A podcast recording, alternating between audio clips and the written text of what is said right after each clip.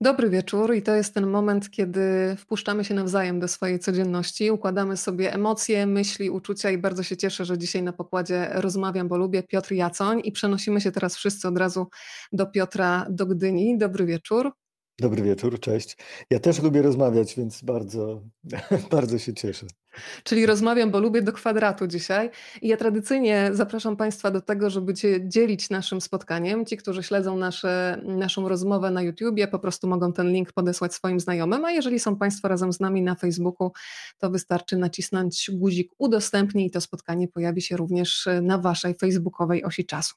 Zacznę Piotrze od przedstawienia Ciebie jako dziennikarza TVN24, jako autora reportażu, dokumentu zatytułowanego Wszystko o moim dziecku dziecku. Przyznam ci się, że ten film widziałam w sierpniu tego roku i cały czas mam konkretne kadry i słowa w głowie, zapisane na takim twardym dysku w sercu i w głowie, tak bym to nazwała.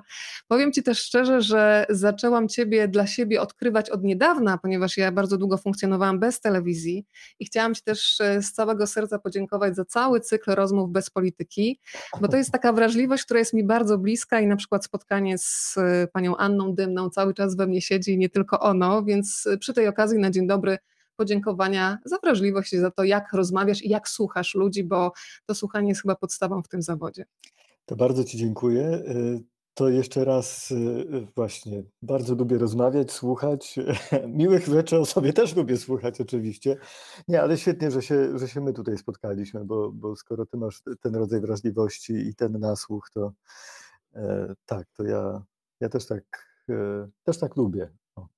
Słuchaj, ja nawet żartuję, ponieważ jedno ucho mam odstające, że ono jest na tym nasłuchu wiecznie. Ono chyba jest nawet tak zaprogramowane e, od początku, żeby nasłuchiwać. Państwo się już z nami witają. Jesteśmy na przykład w Zielonej Górze, jesteśmy w Chrubieszowie. Twoja Gdynia też e, pozdrawia. O, Przekraczamy granicę państwa, jesteśmy już u pani Ani w e, Londynie. Od razu mówię państwu, że jeżeli zerkam w bok, to po prostu patrzę na komentarze. Pozdrawiamy Wrocław, Kraków, Lidz, Gdańsk i kolejne osoby do nas dołączają, z czego się bardzo cieszę.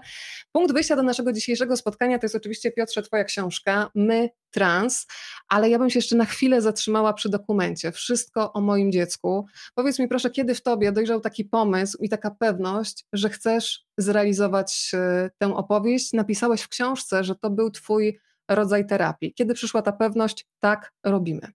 Mhm.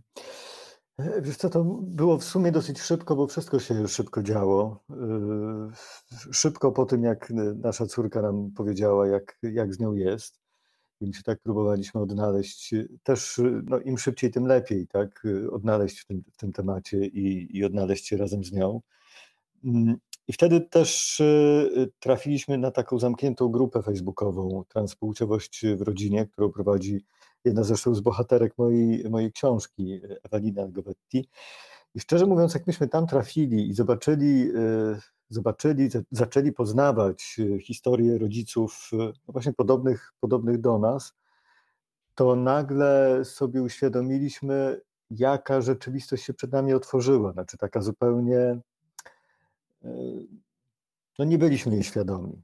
Nie byliśmy jej świadomi także tego i, i, i to tak ze wstydem właściwie o tym mówię, że, że ja, który uważałem się za człowieka raczej takiego otwartego i, i coś tam o świecie wiedzącego, to, to na hasło e, transpłciowość, mylone wtedy jeszcze niestety z e, transseksualnością lub o zgrozu transseksualizmem, tak? bo, bo wtedy byłem na takim etapie, że, że, że jeszcze mi nawet te słowa nie e, no tak czegoś nie robiły wewnętrznie, a robią mi w tej chwili. To już nie jest kwestia nawet tylko, tylko słuchu. Mm, to nigdy y, jakoś nie myślałem o osobach transpłciowych, że, że za nimi ktoś jest. Znaczy, że, że, że jest tam mm, no po prostu jakaś rodzina, tak? czyli jest jakiś, jakaś matka, jakiś ojciec, jakieś rodzeństwo, czy jakaś dalsza rodzina i że to, co się dzieje z tą osobą, przecież ostatecznie gdzieś jakoś musi dziać się także z nimi. Że ta droga, którą ta osoba musi przejść, jest no jednak wspólną drogą tak, całego tego jej najbliższego y, otoczenia. I no tak, no po pierwsze, myśmy się znaleźli z, z moją żoną Magdą w, w, w, takiej właśnie sytuacji, więc to już nam otwierało tę nową perspektywę, ale ten bezmiar podobnych historii i ich skomplikowania, on gdzieś, gdzieś tam nam się e, ujawnił. I ja też, no ja jestem od niedawna w ogóle w mediach społecznościowych, wtedy mnie w ogóle tam nie było, więc, więc nawet w tej grupie to ja tak uczestniczyłem właściwie przez żonę, tak? Znaczy Magda tam była i ona mi właściwie trochę tak opowiadała, jak tam jest. E, bo mam ten rodzaj, co może dziwić, z racji, jak, jak się pomyśli o tym, jaki zawód wykonuję, ale jednak jestem człowiekiem dosyć wycofanym, tak? To znaczy nie jest tak, że jestem taki właśnie zawsze hop do przodu i, i między, między ludzi. Więc też nie, nie do końca wyobrażałem siebie w jakiejś takiej większej grupie wsparcia, w której miałbym się odnaleźć, właśnie jako ten ojciec y, transpłciowej córki. I pamiętam, że gdzieś jechaliśmy, już nie, nie pamiętam skąd, nie, chyba to była jakaś droga ze, ze Szczecina, tak, my ze Szczecina z Magdą wracaliśmy. I, I ja nagle takiej powiedziałem, że słuchaj, ja zrobię reportaż. Bo gdzieś tak we mnie coś, nagle coś mi się tam jakieś takie klocki poukładały w głowie, że, że tak, że ci rodzice, że przecież to jest jednak taka rzecz, znaczy gdzieś dziennikarz się we mnie też odezwał. Znaczy nagle sobie uświadomiłem, że kurczę, znaczy ja doświadczam czegoś, czego ludzie na co dzień nie mają, nie mają tej świadomości, tak jak ja przed chwilą jeszcze jej nie miałem. A jednocześnie jest to tak, e, znaczy powiem głupio, no ciekawe, tak, ale też tak fascynujące i tak e, odkrywające jakieś nowe spojrzenie, no w ogóle też na, nawet na ludzi wokół nas, tak? I że ja muszę to zrobić. I no i tak, tak to było. No jak pytasz, jak, jak było, to właśnie było tak. Y, to i gdzieś tam oczywiście w tyle głowy miałem coś takiego, że okej, okay, ja to jest, jako dziennikarz mówię, to jest ciekawe, a jako ja to mówię, że to jest pretekst, żeby się po prostu z tymi rodzicami spotkać. Czyli to będzie właśnie ten mój rodzaj autoterapii. Zresztą ja w ogóle ten zawód tak traktuję często, że um, on mi właśnie umożliwia jakieś takie przekraczanie siebie właśnie dzięki temu, że daje mi pretekst do. Tak? Że ja tak nie zaczepię ludzi na, na ulicy, żeby. Znaczy teraz to już może łatwiej mniej, ale ale jeszcze tam parę, paręnaście lat wstecz, to strasznie trudno by byłoby mi tak wejść właśnie do ludzi, żeby z nimi pogadać. A jak się mam mikrofon albo kamerę, albo coś tam jeszcze i właśnie ten pretekst, to, to wtedy możemy rozmawiać, a że lubię, to wtedy właśnie się cieszę z tego. Ja witam na pokładzie kolejne osoby, które do nas dołączyły. dołączyły. Witamy Poznań. Bartek, cieszę się, że jesteś też. Pani Marta, Wrocław, Sopot, pani Ania, Łódź, Gdańsk. E, od razu mówię, żeby Państwo się czuli pełnoprawnymi uczestnikami tego spotkania. Można się dzielić swoim doświadczeniem, można zadawać pytania, które będę Piotrowi przekazywać. Od razu powiem, że Twój reportaż Wszystko o moim dziecku został e, nominowany do nagrody imienia Andrzeja Wojciechowskiego, czyli nagrody Radia Z, co też pokazuje, jak, ważny był, jak ważna była ta opowieść dla ludzi i też jaką dyskusję e, otworzyła, rozmowę w końcu, z czego się bardzo cieszę. Wyobrażałam sobie też, Piotr, ciebie mm, w takiej podwójnie trudnej roli przy okazji tworzenia tego reportażu, no bo z jednej strony jesteś właśnie dziennikarzem i przy wybieraniu tych wypowiedzi, no musiałeś się też takim dziennikarskim instynktem kierować, ale jednocześnie to wszystko, co było twoją historią, no musiało być też pod podwójnie trudne. I w tej montażowni chyba były momenty, kiedy musiałeś wychodzić, żeby po prostu złapać oddech. Tak to sobie wizualizuję, ale sprawdzam, jak było. No, to masz bardzo dobrą wyobraźnię i bardzo to dobrze z, z, zwizualizowałaś, bo rzeczywiście, rzeczywiście tak było. Znaczy, wiesz, to, że, że ja byłem rodzicem jednym z, z nich, to, to oczywiście był tak zawodowo bardzo mi to ułatwiało. Tak? Znaczy przede wszystkim dawało mi e, dostęp do tych rodziców i nie, e, nie musieliśmy rozbijać żadnej bariery między nami, bo po prostu my wiedzieliśmy, jak z nami jest, tak? I że właściwie, właściwie rozmawiamy o tym, o tym samym, więc, e, więc ten etap pracy nad reportażem, zarówno szukania bohaterów, głównie bohaterek, ale bohaterów ostatecznie także udało się, udało się znaleźć, mm, a potem rozmowy z nimi, to do jakiegoś stopnia było tak e, warsztatowo łatwe. To znaczy, wystarczyło po prostu usiąść naprzeciw siebie, e, uruchomić tę opowieść i jej nie, e, nie przeszkadzać tej opowieści, po prostu, tak? Po prostu słuchać. Choć i tutaj zaczynały się problemy, i I to był taki problem, z którym ja, szczerze mówiąc, zabierając się za, za pracę nad tym reportażem, jakoś chyba nawet nie, nie, nie zakładałem, że to może być dla mnie problem.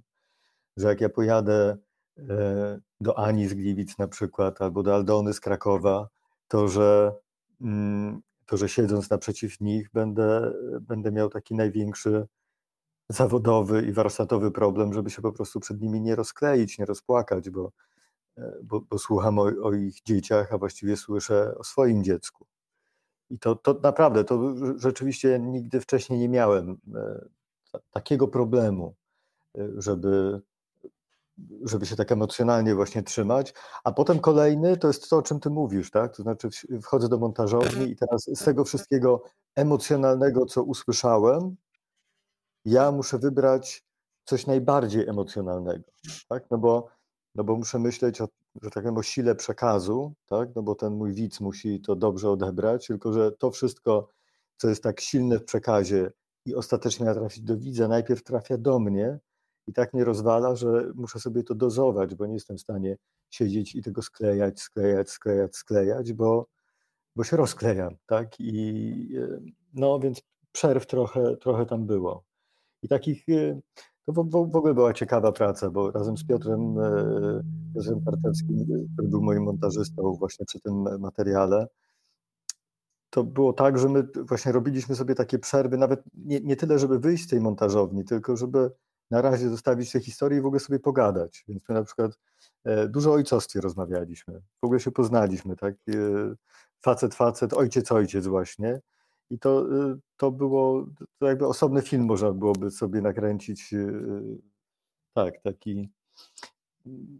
No, myślę, że ostatecznie też ciekawy i w sumie dość głęboki, nawet powiedziałbym. E, a jednocześnie bardzo to było potrzebne. Znaczy, właściwie w pewnym momencie, no przede wszystkim mnie, ale Piotrowi też, bo on też emocjonalnie to tam chwilami nie wyrabiał.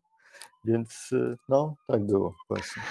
Jak powiedziałaś o tym filmie, to już mi się zaczął ten film niemal wyświetlać w głowie. W ogóle twoja książka, oprócz tego, że opowiada o sytuacji osób transpłciowych w Polsce, to ona ma tyle wątków uniwersalnych i w ogóle jest w końcu taką książką, w której ludzie rozmawiają ze sobą o rzeczach najważniejszych.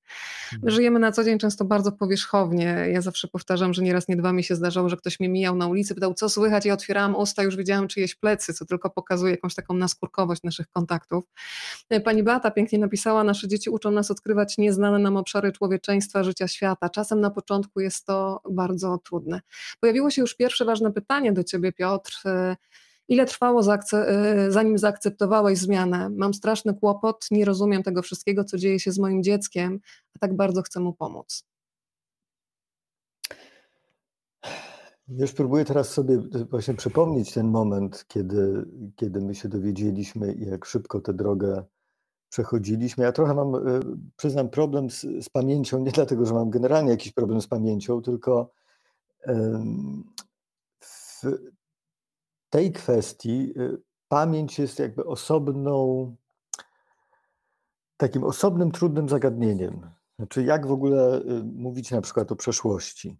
Czy bardzo y, chcemy wracać do tej przeszłości? Jak, a jak zaczynamy do niej wracać, to, to co z niej wyciągamy? Jak, jak w ogóle opowiadać? Znaczy, jak nawet, wiesz, no jak o tym dziecku opowiadać? Tak? Że My jesteśmy, znaczy ja jestem na, na, na takim etapie, że mm, y, no starego imienia swojego dziecka to absolutnie nie jestem w stanie wymówić, chociaż tak lubiłem to imię, bo, bo bardzo świadomie je wybraliśmy dla naszego pierwszego dziecka. Y, nawet nie za bardzo jestem w stanie używać słowa syn. Też y, ono mi się wydaje takie niepotrzebne, takie nieprzystawalne.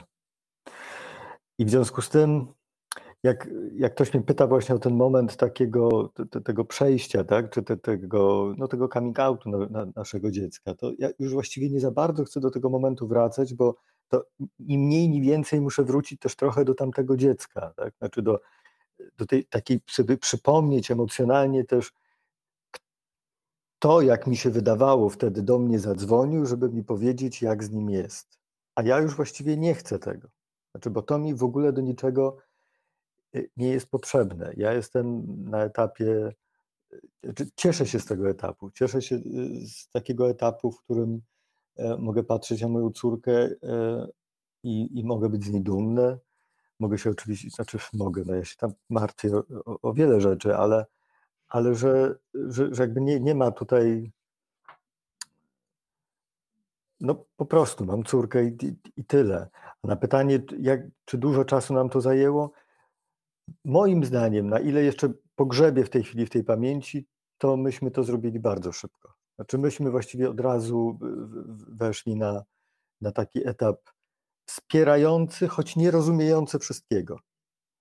E, ale poszliśmy jednak za tym, znaczy poszliśmy po prostu za tym dzieckiem, bez względu na to, e, czego nie, jak bardzo nie byliśmy świadomi tego, co nas po drugiej stronie czeka, czy jak bardzo to jest właśnie złożony problem, jak, e, jak wieloma on się jeszcze takimi problemami, problemikami, barierami objawi. Mm, wydaje mi się, że, że, że to poszło szybko.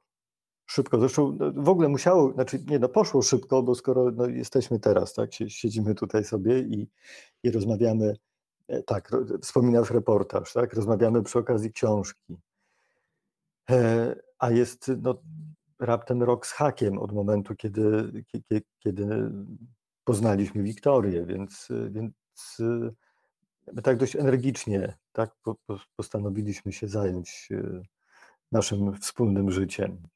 No. Kiedy powiedziałeś, Piotrze, o tym, że miałeś w sobie na początku takie uczucie wstydu, że tak niewiele wiedziałeś na temat transpłciowości, to myślałam, jak dobrze, że ty też, bo ja byłam zawstydzona po lekturze. Jak moja wiedza była nikła, i zapamiętałam sobie z rozmów z Twoimi bohaterami takie słowo, które można odnieść do każdej sytuacji, że istotne jest w życiu nie tylko nabycie wiedzy, ale także nabycie głodu wiedzy. Jeżeli mhm. nie wiesz, pytaj. Jeżeli tak, nie tak. rozumiesz, tak. czytaj. Jeżeli potrzebujesz wsparcia, wyciągnij rękę z prośbą o to wsparcie. To jest niesamowite.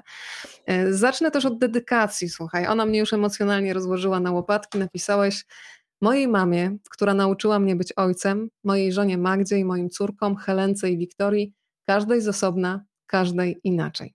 To powiedz mi, jak te wszystkie twoje kochane dziewczyny zareagowały na książkę, kiedy ona już nie była tylko pomysłem, kiedy ona nie była czymś, o czym się rozmawia w domu, bo nie wierzę, że o tym nie rozmawialiście, kiedy wracałeś z kolejnych rozmów, tylko kiedy już pojawiła się materialnie, jest y, i jest bardzo ważną częścią w wielu domach, w naszych bibliotekach, bo tej książce rozmawiamy, pożyczamy sobie, podsuwamy. Dla wielu to jest taki punkt wyjścia do tego, żeby opowiedzieć o tym, na przykład rodzinie, kim się jest po raz pierwszy w życiu. To mam nadzieję, że tak jest. To bardzo będę się cieszył, że, że rzeczywiście tak, tak ta książka zadziała. No, na nas działa no właśnie chyba na każdą z tych moich dziewczyn inaczej, każdej, na każdą z osobna. Najbardziej pewnie działa na Wiktorię i Wiktoria jest,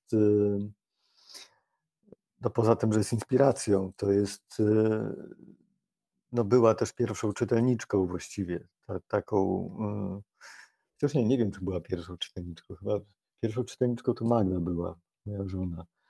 To tak wymiennie chyba. Ja myślę, że tak od razu do jednej i do drugiej podsyłałem, choć, choć nie ukrywam, że, mm, no, że, że opinia Wiktorii jest, y, y, znaczy za każdym razem była kluczowa, bo, bo to nie, nawet nie jest kwestia tego, czy nie wiem, czy jej się podoba, czy jej się nie podoba, tak? tylko ona jest jakby takim moim głównym konsultantem, tak? bo ja przecież mam świadomość tego, że piszę książkę, która ona, przecież ona dotyczy nie tylko emocji, tak? tylko ona też jest jakoś tam wiedzowa, ona, a nawet mówiąc o tych emocjach, to, to, to też trzeba jakby wiedzieć, w którą stronę pójść, a w którą e, nie iść na pewno. I, i tutaj Wiktoria była dla mnie taki, tak, taką osobą, która też mi dawała poczucie bezpieczeństwa. Znaczy ostatecznie jak ona mi klepnęła tę książkę, to ja wiedziałem, że okej, okay, to już tam, nie wiem, wydawnictwie mogą różne rzeczy na jej temat mówić, ale to, to już właściwie z tym szacunkiem przestaje mieć dla mnie znaczenie. To jest najważniejsza rekomendacja. Tak, tak, tak, to jest ten certyfikat taki i to właściwie już nie dotykajcie tego, bo to po prostu tak, tak ma być. Magda, moja żona z kolei, no, ja do Magdy wysyłałem też te, już te rozmowy spisane, Jesteśmy oboje po polonistyce, więc tutaj następuje też taki, znaczy po, poza oczywiście, że ten temat jest dla nas tak istotny i, trzeba go, trzeba go ogarnąć, to, to dla mnie ogromne znaczenie też miało to, co, co Magda mówiła o tej jakby takiej językowej stronie, tak? Czy, czy się czyta, tak? No to jak Magda mówiła, że się czyta, to, to też był certyfikat, tak? No i na koniec dziś była Hela, nasza najmłodsza córka, która ja chciałem, żeby ona, ona jakby za dużo też o tej książce nie, nie, nie mówiła, ale, ale żeby ona miała świadomość tego, jak bardzo to jest y, no, ostatecznie tak nasze, tak? I, i, I do jakiegoś stopnia przecież też y, o nas, a nawet momentami nawet bardzo o nas, bo są tam też rozmowy z, z Wiktorią, z moją, z moją córką. To a. Ale jeszcze przepraszam, bo tak. o jednej kobiecie zapomniałem, tak? Czyli tej pierwszej, która tam y, jest w dedykacji właśnie, czyli o mojej mamie. mamie. Tak, tak. Nie, to, mama to jest, jakby to jest, to jest osobny odcinek. Mama nie widziała książki w trakcie jej powstawania. Mama jest zresztą, było bibliotekarką, więc do książek ma stosunek szczególny powiedziałbym nabożny nawet, ale też taki właśnie, że, że jak już ona po prostu sama sobie pierwsza ją kupiła, bo jej nie zdążyłem dowieść tej książki, ona, ona już ją miała. Mamy takie są. tak, tak. I, to i, i, zwykle czyta po kilka razy, więc, więc ona już tam chyba pewne rzeczy e, na, na wyrywki zna. E, no a ta dedykacja z kolei dla niej no, ma dla mnie o tyle znaczenie, że e, znaczy, że jest taką okazją, żeby jej coś oddać. Znaczy, tak, to, to, jak wiele ona mi dała w życiu. Znaczy, bo ja mam takie poczucie, że jeżeli jakoś się jako rodzic odnajduję, to właśnie dlatego, że, y, że ona dla mnie była zawsze takim. E, znaczy, pokazała mi taki rodzaj rodzicielstwa, które jest partnerstwem. I strasznie dla mnie to było ważne znaczy nie, nie, nie, na, nie, od razu sobie oczywiście to wszystko uświadamiałem. Potem właściwie zacząłem to doceniać już w takim bardziej dorosłym e, życiu, właśnie ten rodzaj um, takiego fundamentu, który dostałem, że um, tak, że, że, że, że, dla mnie dziecko jest przede, przede, wszystkim partnerem i to nie jest łatwe, tak, bo to e, raczej mamy pokusę jakiegoś takiego za, zawłaszczenia tego, tego mniejszego, mniejszego życia, a tak, a mama miała do mnie taki stosunek, e, no taki, e, chciałem powiedzieć, że wymagający. Mama się może nie była jakoś ba, bardzo wymagająca, ale taka e, właśnie delegująca zadania i ponieważ jak, jak, jak dostajesz zadanie, to zaczynasz być po prostu odpowiedzialny, odpowiedzialna za to zadanie i to jest myślę bardzo fajna nauka, tak, że w taki naturalny sposób uczysz się samodzielności, e, a jednocześnie ciągle masz fajną więź z tym, z, z tym rodzicem. No, dla mnie ta, ta dedykacja dla mamy była bardzo ważna, tak. Zdecydowanie to, to, o czym mówisz, że czasami y, młodzi ludzie nie dostają takiej przestrzeni do tego, żeby ta odpowiedzialność miała szansę się rozwijać, rozwinąć. Ty ją dostałeś, ale powiedz, żeby mama nie była bezimienna. Jak mama ma na imię, bo ją chcemy tutaj uściskać zbiorowo za Piotra Jaconia. A z mamą to w ogóle jest, y, to jest fajne, że pytasz o imię mojej mamy. Moja mama ma na imię Łucja, e, ale mm, mama tak funkcjonowała też jak, jako Lucyna przez, przez długi czas. To jest taka rodzinna historia, już nie będę w nią teraz e, wchodził, tak, ale mama jest Łucja, zwłaszcza jako babcia objawiła się jako Łucja, bo wcześniej to, to bardziej była Lucyną, a jak się stała babcią, to, to jakoś tak poczuła, że babcia Łucja dobrze brzmi, więc, e, więc to jest Łucja. Pani Łucjo, mamo Piotrka, bardzo dziękujemy i chyba mama się wzrusza, jak czyta takie komentarze od Renaty. Piotrze, nawet nie wiesz, ile osób zazdrości twojej córce ojca. Dobrze, że ja mam dzisiaj yy, tuż wodoodporny na oczach, bo myślę, że za szybko już te momenty wzruszające się, słuchajcie, zaczynają. E, wspomniałeś, Piotrze, o tym, że w środku znalazły się fragmenty waszych rozmów z Wiktorią i zastanawiam się, na jakim etapie podjęliście decyzję, że chcecie częścią swojej prywatności też się podzielić. E, to są rozmowy bardzo poruszające. Ja uwielbiam w ogóle mądrość Wiktorii, kiedy ona mówi coś takiego, że w zasadzie z każdej strony, i to każdy z nas chyba potwierdzi, słyszymy bądź sobą. Okej, okay, mm. tylko co to znaczy? Każdy z nas musi sobie po pierwsze odpowiedzieć na to pytanie, a po drugie, kiedy już słyszy ten głos, to bardzo chciałby przestrzeń na to, żeby móc być faktycznie sobą. Kiedy zdecydowaliście, że e, tę część waszej prywatności też umieścicie w książce, oczywiście stawiając granicę tam, gdzie ona będzie dla was potrzebna?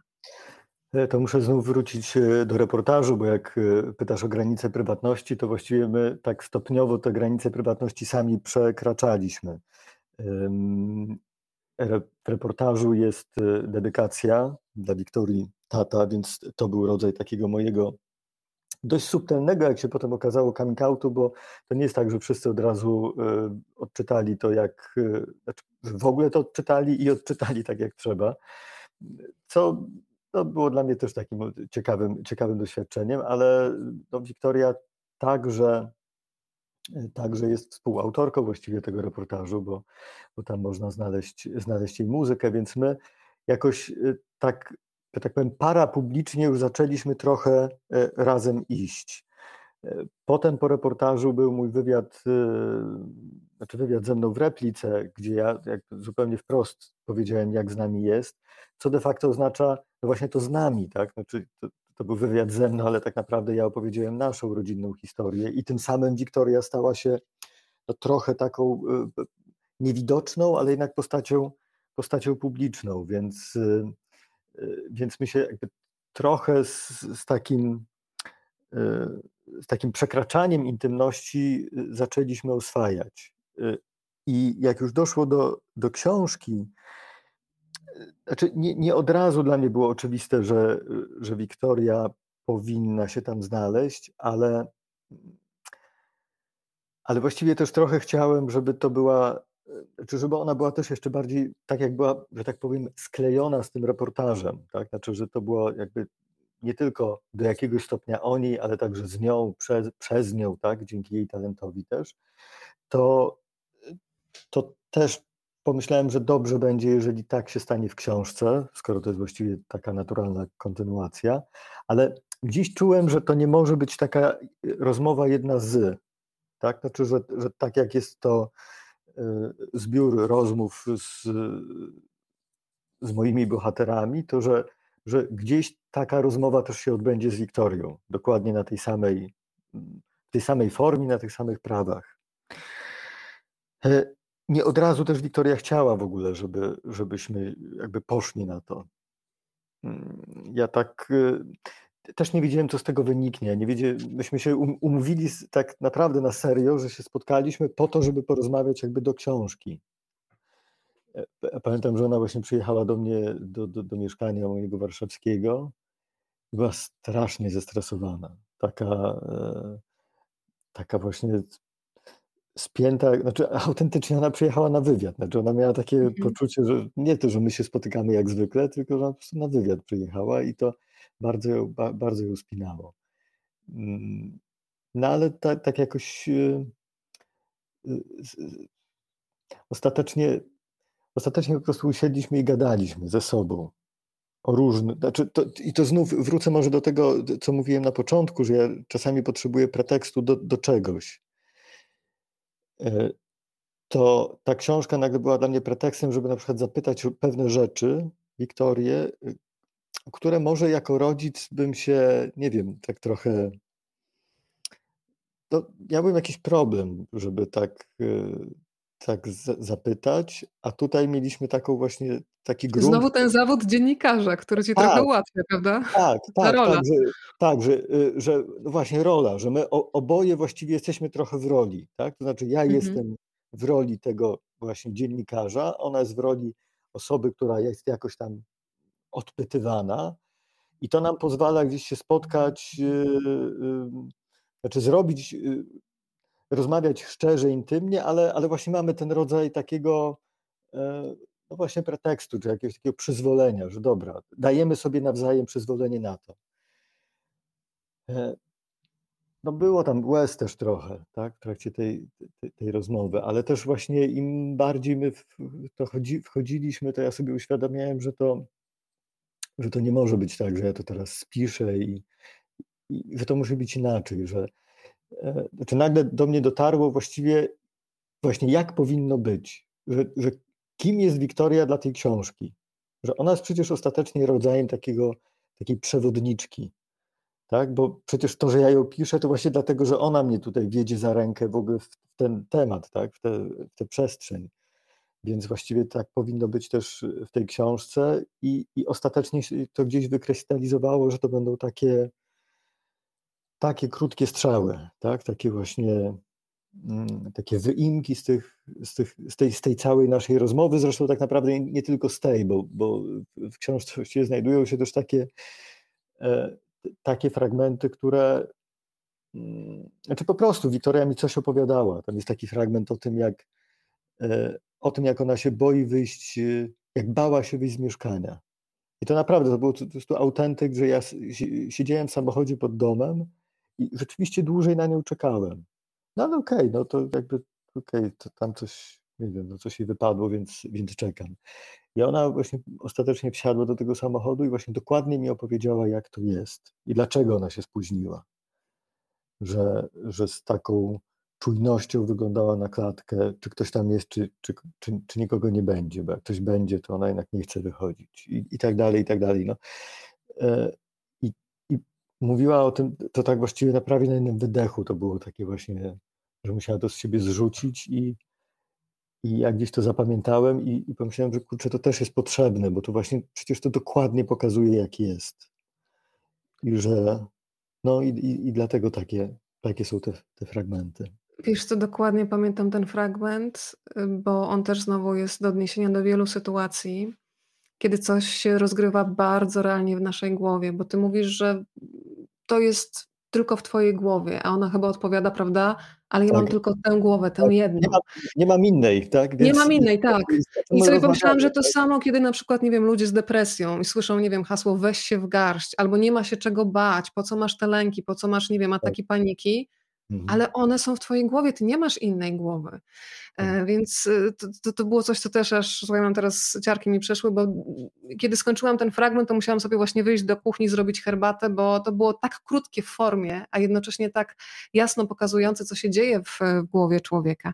Powiedziałeś chyba niechcący przed chwilą taką piękną definicję rodzicielstwa, bo powiedziałeś o Wiktorii, że ona była w tej książce twoją przewodniczką i sobie pomyślałam o tym, sama mamą niestety nie jestem, ale tak sobie wyobrażam, że rodzicielstwo to jest właśnie podążanie za dzieckiem.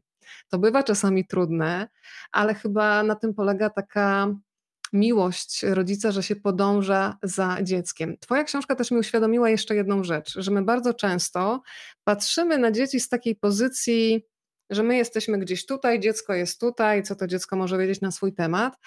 A książka Metrans mi pokazała, że dziecko jest partnerem w zasadzie od początku jego przyjścia na świat. E, I kiedy rozmawiasz ze specjalistami na temat tego, kiedy zaczyna się już odczuwać tożsamość płciową, to jest to dla mnie naprawdę niezwykłe. Jedna z ekspertek mówi coś takiego, że nie ma dobrego momentu na coming out, prawda? Bo na początku się mówi, jest jeszcze za mały, skąd on może na ten temat wiedzieć, coś na ten temat wiedzieć. Kiedy dziecko dorasta, no to można to zrzucić, dorasta, jeszcze nie wie, to jakaś fanaberia. Ten, ten głupi wiek, prawda? Tak, głupi wiek, a kiedy jesteś dorosły, no to ktoś powie, no tyle lat żył, no, no właśnie to hasło normalnie, to dlaczego teraz chce coś zmieniać. I to w ogóle było jak takie, wiesz, takie uderzenie obuchem w głowę, że faktycznie od początku traktujemy dziecko jako no, kogoś, kim trzeba się zaopiekować, ale to nie jest partner, a to powinien być partner, który ma świadomość i który bardzo mocno czuje najmocniej to, co się w nim dzieje. E, tak, jak mówisz o takim, e, tej definicji rodzicielstwa, nie wiedziałem, że ją stworzyłem, ale rzeczywiście okej, okay, podpisuję się pod tym, bo mi to pasuje.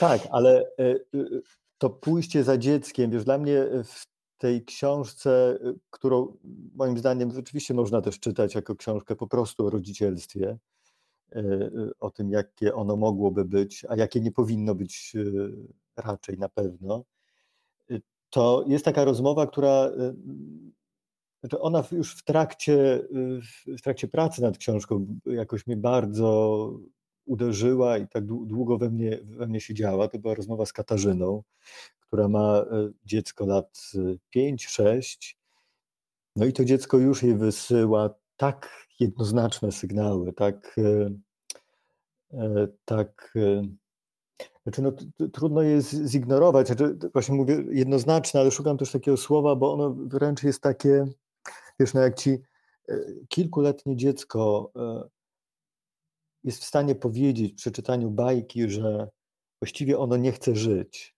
tak?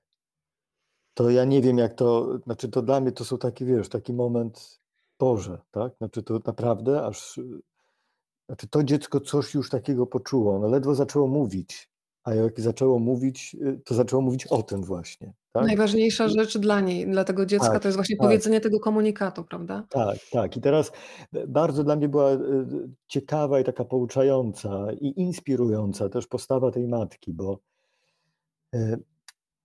po pierwsze, matki bezradnej, tak jak większość, czy jak zazwyczaj w ogóle bywają rodzice osób transpłciowych bezradni w tym kraju, tak? bo oni rzeczywiście nie mają żadnych, nic, żadna instytucja, nikt tam im nie pomoże i nie powie, w którą stronę teraz iść. Ale na dodatek, ale jak masz jeszcze dziecko w wieku lat pięciu, sześciu i, i czujesz, że to jest temat do ogarnięcia, potencjalna transpłciowość, no to tej bezradności tam jest jeszcze więcej, ale ona miała taką fantastyczną postawę, przynajmniej tak to jakby wychodziło w tej naszej rozmowie, że ona czytała wszystkie te dziecięce komunikaty i generalnie za nimi szła, ale mm, mając gdzieś w tyle głowy, że to wcale nie musi być jakiś komunikat ostateczny. Znaczy ona nie, nie, nie była taką matką, która tylko jest ślepo zapatrzona w to dziecko, tylko ma ciągle y, mm, no, ten rodzaj takiej mądrości, która pozwala jej tak, nie wiem, trzymać to dziecko, tak, wiesz, to dziecko jest gdzieś tutaj po środku, a ona tak tylko asekuruje, tak, żeby, żeby się nie wychyliło za bardzo, ale tak dobrze, żeby,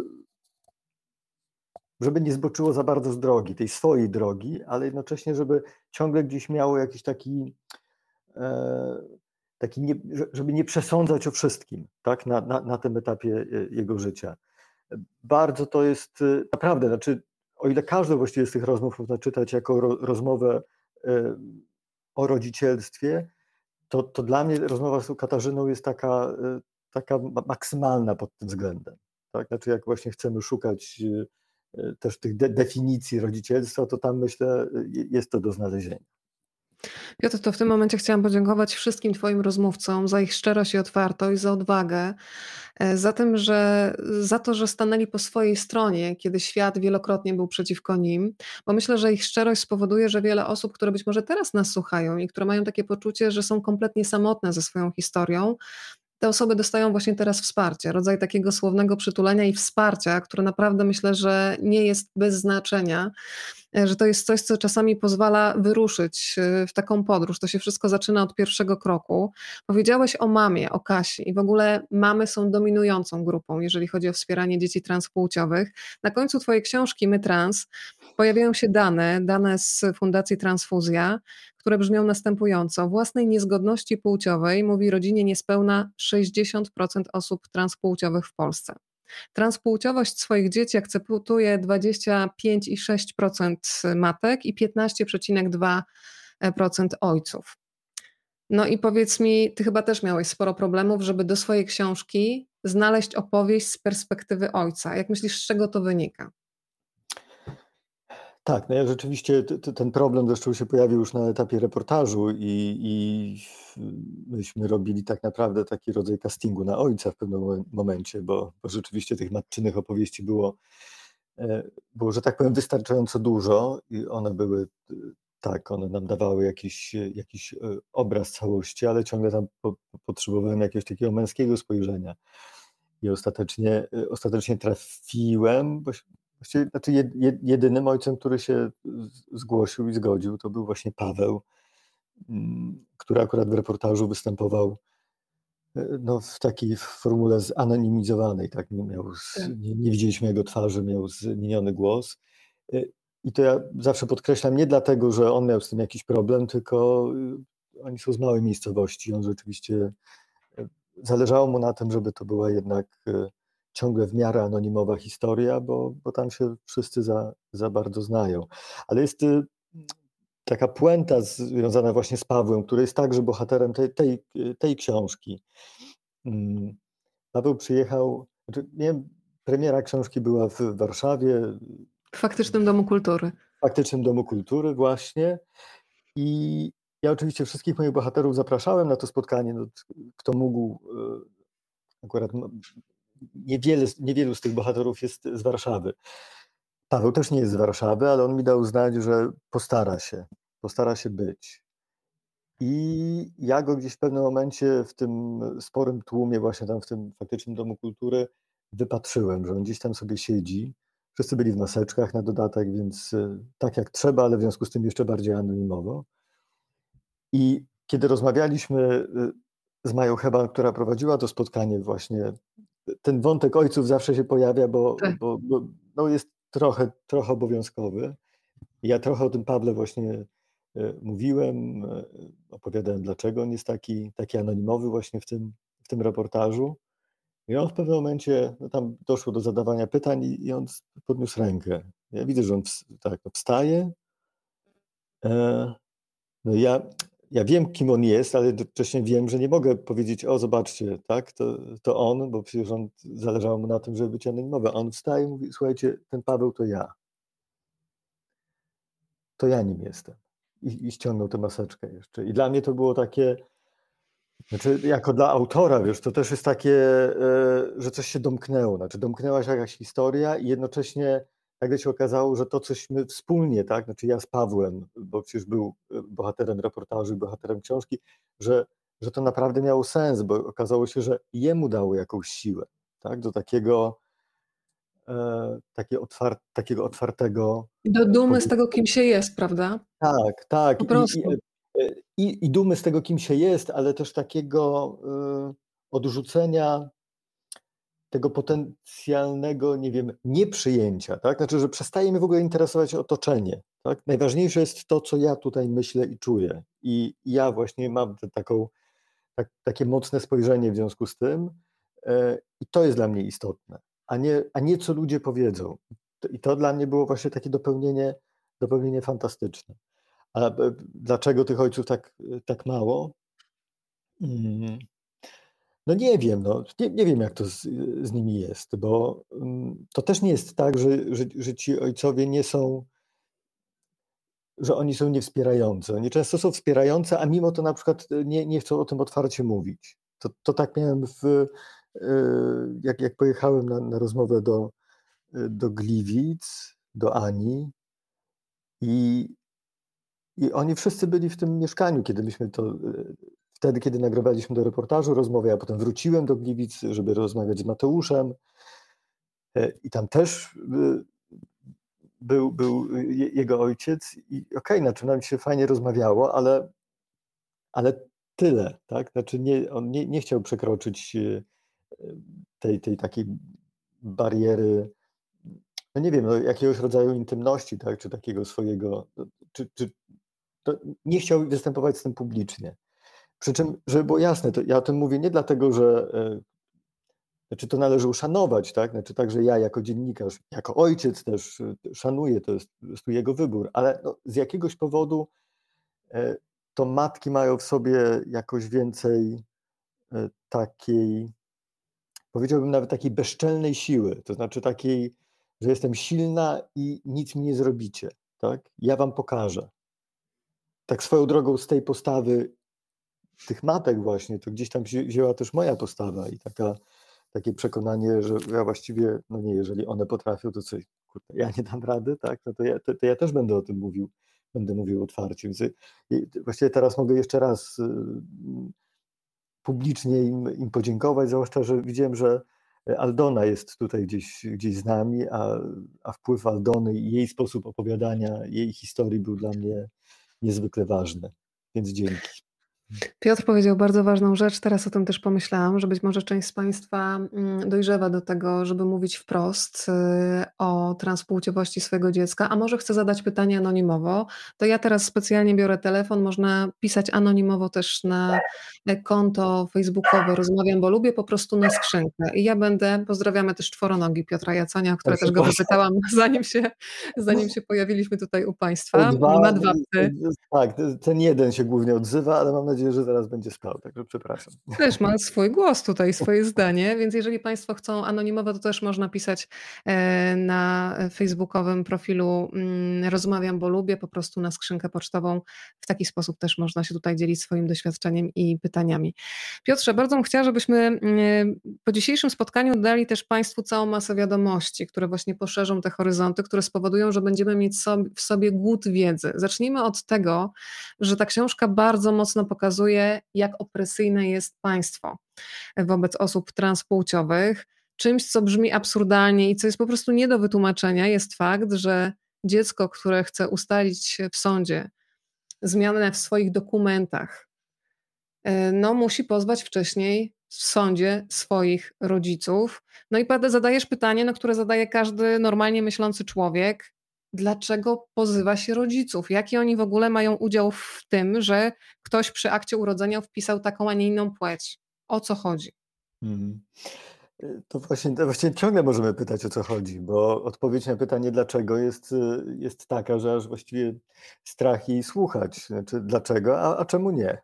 Tak? Bo, bo, bo, właściwie trochę tak jest. Tak? Znaczy, tych rodziców pozywa się, bo kogoś należało pozwać, więc gdzieś tam na jakimś etapie wymyślono, że dobra, to zróbmy, zróbmy to tak. Podobno rozważano również e, pozywanie, jeżeli nie rodziców, to, to urzędnika e, w Urzędzie Stanu Cywilnego. Co jest właściwie tak, takim samym absurdem, bo przecież ten urzędnik też nie, nie ustala e, płci naszego dziecka. No jeżeli ktoś to robi, wiem, z tego co pamiętam, już mam dosyć tak dzieci zaawansowane, ale pamiętam, że, że to już na etapie USG chyba można było tak najpierw wstępnie, a potem jak już się to dziecko rodziło, to, to raczej mm, lekarz mówił, no to, to ma pan córkę albo ma pan syna, prawda? No i co? I właściwie powinniśmy iść ewentualnie, jeżeli już naprawdę mamy taką e, przemożną ochotę kogoś pozwać, no to nie wiem, może powinniśmy jednak do tego szpitala biec, ale pytanie, po co w ogóle pozywać, tak? I, i, i w książce e, widzimy także, bo, bo ja rozmawiam również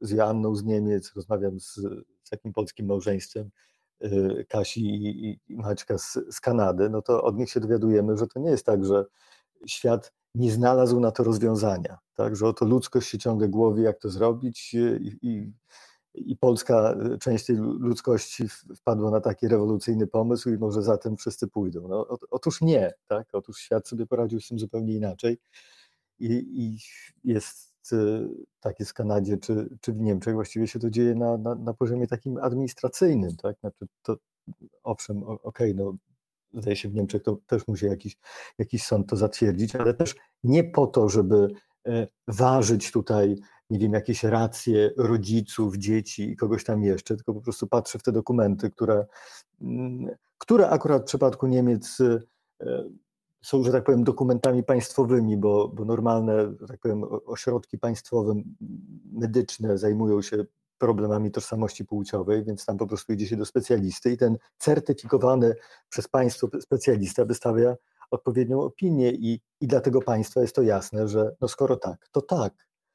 W Polsce problem polega na tym, że, że niestety nie ma takiego ośrodka, tak, do, do którego można pójść, więc trzeba ostatecznie to załatwiać prywatnie znaczy załatwiać prywatnie. Po prostu idziesz do gabinetu prywatnego, płacisz za wszystko i, i ten specjalista, do którego trafisz, on, on wystawia, najpierw bada to dziecko, a potem wystawia opinię. Ale niestety to z kolei powoduje, że jak już się y, trafi do sądu y, i, i chce się temu sądowi przedstawić tę właśnie opinię, to można usłyszeć, tak jak, tak jak my usłyszeliśmy, y, że to jest, ponieważ to jest prywatne, to, to się nie liczy. No i jesteśmy znów na tej drodze takiej, e, takiej, takiej mm, absurdalnej. Przepraszam, bo widzę komentarz e, Ani z Gliwic, która mi pisze, że mówi, że teraz żałuje, to chyba jest o mężu. To pozdrowienia dla Was, dla całej Waszej trójki. No i, i wiesz, i to, jest, e, no, to jest opresyjność, tak, to jest opresyjność państwa. Ale ty też, Piotrze, pokazujesz, że polskie sądy, a szczególnie biegli, też kompletnie mylą dwie sprawy. Czym jest tożsamość płciowa, a czym jest na przykład orientacja seksualna. I padają w sądzie pytania do których tak naprawdę nikt nie powinien mieć prawa, bo to jest przekraczanie czyjejś intymności, to są pytania upokarzające i w ogóle jak już sobie wizualizuję, wiesz, wchodzisz jako rodzina i stawiają cię po przeciwnej stronie barykady, tak jakby no, w imieniu też prawa siłowo chciano rozdzielić ludzi, którzy się wspierają, jeżeli idą do sądu razem i są ze swoim dzieckiem. No to jest coś, co się nie mieści w głowie.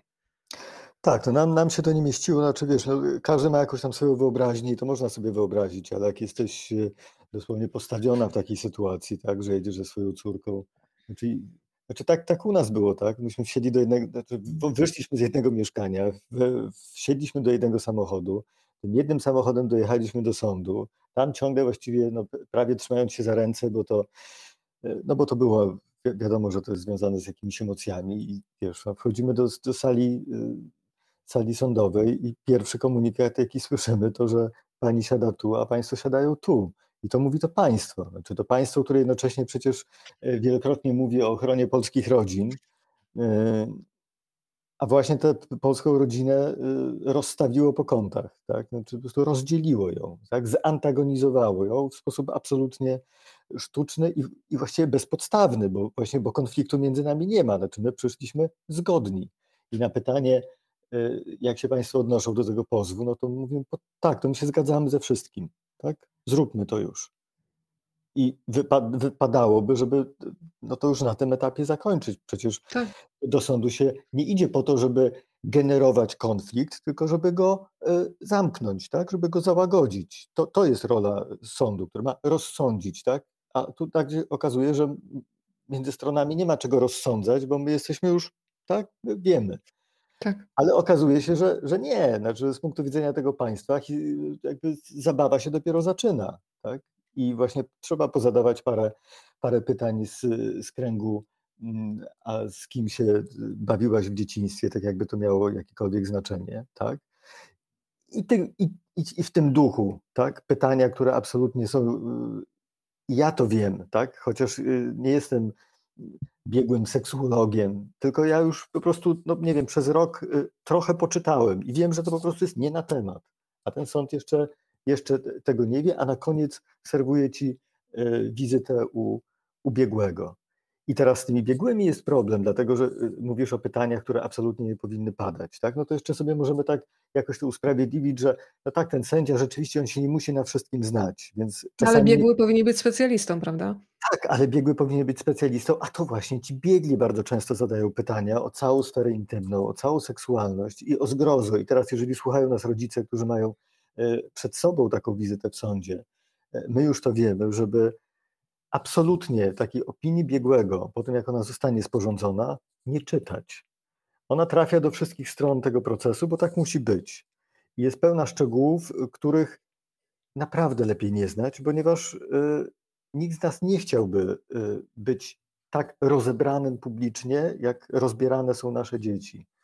Więc jeżeli mogę cokolwiek doradzić, już trochę z własnego doświadczenia, to żeby nie zaglądać do tego, co dostaniecie, dostaniecie z sądu. Wam to życia e, nie ubogaci, tylko jeszcze bardziej może skomplikować.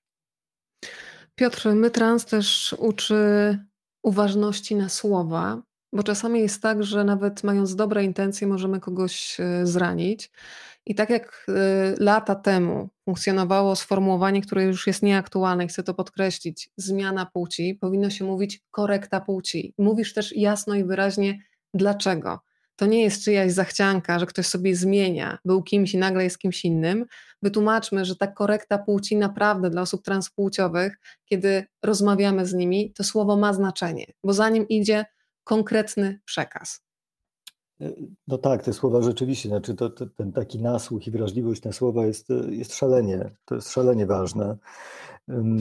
No ta zmiana płci, znaczy to sobie wyobraźmy, znaczy je, jeżeli się zgodzimy na mówienie o Mm, o zmianie płci, to właściwie za chwileczkę zaczniemy mówić, tak jak mówią niektórzy, że, mm, że te dzieci to sobie wybierają jakąś płeć, tak? E, a jak wybierają, to znaczy, że, e, że no właśnie, dlaczego one to, to wybierają? To może jakiś, nie wiem, kto się namawia do tego, albo to moda taka jest, żeby sobie płeć wybierać. Znaczy, jak y, naprawdę poznamy skalę mm, zagadnienia, jakim jest transpłciowość, to, to naprawdę będziemy wiedzieli, że, e, że tutaj nie ma przestrzeni na fanaberię, bo tu przede wszystkim nie ma w ogóle przestrzeni na wybór. Znaczy, jedyny wybór, jakie, jak, jaki, przed jakim stoi osoba transpłciowa, to jest być albo nie być. To jest ten wybór. I naprawdę to jest kluczowe, żeby sobie to uświadomić, bo jak sobie to uświadomimy, to wtedy wielu pytań już nie zadamy, a te, które będziemy zadawać, będą, będą już czego innego dotyczyły. Tak? One będą na tym, na tym piętrze wyżej i no, to jest bardzo istotne, żeby, żeby, żeby tam spojrzeć. Jak myślałem o tym reportażu i o książce też, to ja bym bardzo chciał, żeby. Mm, że też o tym, o tym wspominałaś, żebyśmy my e, uświadomili sobie, stając, nie wiem, po raz pierwszy przed osobą transpłciową, jak mało wiemy. Znaczy, żebyśmy, broń Boże, nie byli w tym takim swoim może czasami codziennym i bezczelnym przekonaniu, że, że właśnie wiemy już mnóstwo, w związku z tym e, nie musimy pytać o więcej e, i to my będziemy wyznaczali granice jakichś rozmów, tak? bo, bo one się odbywają w ramach tej, tego naszego wie, wie, wiedzowego świata. To nie, znaczy to naprawdę jest, jest i powinno być inaczej. Znaczy do tego stopnia, że nawet już nawet jeżeli mamy jakąś wiedzę o transpłciowości, to ostatecznie moim zdaniem zawsze powinniśmy się jakby zdawać na, na tę osobę konkretną. Tak? To ona powinna nam wyznaczać e, te granice, te, te, te przestrzeń spotkania. Tak? E, no, tak myślę, że, że, że to tak właśnie powinno wyglądać. Mam teraz przed sobą fragment wypowiedzi Pawła, o którym wspominałeś, e, bo to jest taki fragment, który pokazuje, że bardzo często widzimy, że coś się z dzieckiem dzieje, ale nie ma jeszcze tej przestrzeni na rozmowę. Dla mnie chyba najbardziej poruszające momenty Twojej książki to jest opowieść osób transpłciowych o tym, jak bardzo bały się odrzucenia mm, i jak bardzo przedłużały ten moment, żeby powiedzieć rodzicom, kim się czują. I Paweł mówi między innymi, najtrudniejsze było patrzenie, jak to dziecko się męczy. Ciągle od niej słyszałem, nie chce mi się żyć, życie jest bez sensu. Cały dzień spędzała w łóżku i cały czas zamykała drzwi. Wychodziła tylko do łazienki, żeby coś zjeść. Nie jadła z nami brała ten posiłek do siebie, do pokoju i tam go jadła. I tam jest e, cała opowieść związana z tą konkretną historią i też moment, kiedy zaczyna się przyjmowanie hormonów. I Paweł mówi bardzo ważną rzecz. Zaczęliśmy odzyskiwać dziecko, które żyje, a nie tylko wegetuje w łóżku. Dla mnie też poruszającym wątkiem i takim wątkiem, który myślę, że jest obecny w domach wielu rodziców. Ja to znam z rozmów ze swoimi znajomymi. Bardzo często się pojawia przypadkiem, kiedy ludzie już nie mają siły i pęka w nich coś, co ukrywali. I mówią o tym, że dzieci się na przykład same okaleczają. I twoi rozmówcy opowiadają o bardzo ważnym mm, momencie, kiedy ten ból psychiczny jest tak nie do zniesienia, że trzeba go jakoś zamienić na ból fizyczny, żeby być w stanie w ogóle to unieść. E, powiedz trochę o tej opowieści, o tym, o tym otwarciu się osób, które muszą się męczyć często przez lata. Są też cudowne reakcje rodziców dzieci transpłciowych, którzy na tę wiadomość o tym, kiedy dziecko mówi, kim się czuje, kim jest, reagują, dlaczego do mnie przyszedłeś dopiero teraz? Mógłbyś się męczyć, nie wiem, o kilka lat krócej, prawda? To oczywiście jest jedna z reakcji, bo są dzieciaki, które niestety nie otrzymują akceptacji i wsparcia w rodzinie, ale ten wątek tego, co dzieje się w głowie człowieka, który przez lata musi być kimś, kim nie jest, no jest czymś po prostu rozrywającym serce. Tak, jednocześnie to są takie, y, to jest jakiś taki wspólny mianownik, bo to, to są właśnie takie momenty, y, kiedy mi było ciężko słuchać tych opowieści, tak? bo, bo, bo gdzieś y, miałem takie poczucie, że, że też nasza historia się w, w nich odnajduje. Tak? Znaczy, że, że ja mogę powiedzieć, że no tak, to my mieliśmy tak samo, a może, a może podobnie. Ja y, nie, nie chcę jakby za, za te osoby opowiadać o tym, co, co się działo w, w ich głowie, bo to właśnie po to też była, po to tak. są te rozmowy, tak? I to też dla mnie jest takie ważne, a właściwie, znaczy dla mnie to już jest ważne, ale to też usłyszałem od mojej córki kiedyś, żeby, e, żeby nie iść też takim tropem, żeby opowiadać e, życie osób transpłciowych za, za nich, tak? Znaczy, że, mhm. bo właśnie bo właśnie trochę poczytamy i, i, i, zaczynamy sobie wyobrażać, jak to, jak to tam z nimi jest, bo wydaje mi się, że ostatecznie my nie potrafimy sobie tego wyobrazić. Znaczy, że to jest tak, tak osobne odczucie i tak osobne doświadczenie, że nie da się go, że taka osoba cis płciowa, ona właściwie okej, okay, znaczy może być bardzo empatyczna, możemy się jak, jak najbardziej chcieć otworzyć na, na ten na, na, to inne myślenie o, no, nie wiem, o sobie, tak, jako o, o człowieku, ale, ale to ciągle będzie takie, takie do, doopowiadane. A to, jak, jak oni o tym mówią, to, to, to myślę, że właśnie, że to im po prostu trzeba, trzeba to zostawić. Przepraszam, znaczy tak po prostu nie, nie, nie, nie, nie, nie chcę po prostu za nich tego referować, mhm. bo to jest. Bo to jest czas, wydaje mi się, że to bywa takim błędem życiowym też, prawda, że my. E, też niedawno mi Wiktoria coś takiego powiedziała, bo rozmawialiśmy też o, tym, o tej statystyce na końcu książki, tak? że to 25% matek w pełni akceptuje, 15% ojców, e, tylko 15% ojców w pełni akceptuje. I Wiktoria na to spojrzała jeszcze inaczej. Mówi, no zobacz, a ciekawe, co by było, gdyby zapytać dzieci tych rodziców, czy ta proporcja byłaby dokładnie taka sama? Czy to 25, czy, bo te matki deklarują, tak, że one w pełni akceptują ale czy ich dzieci czują się w pełni akceptowane? Bo to jest, wiesz, to, znowu, to jest tak. taki, taki e, niuans niby, ale e, nam się może wydawać na przykład, że my e, prezentujemy postawę w pełni akceptującą, ale to ciągle nie jest to, tak? Znaczy, bo my akceptujemy na swoich warunkach, a warunki tej osoby transpłciowe i jej spojrzenie na siebie, na świat, na, na jej obecne, przyszłe życie jest naprawdę osobne, tak? I no, znaczy tak tylko rzucam to hasło, znaczy tak, żeby tak się czasami nie za dobrze, znaczy żeby nie było tak, że my się, bo mamy skłonność do tego, chcemy się dobrze poczuć, tak? Także jako rodzice. E, to te dzieciaki się muszą dobrze poczuć.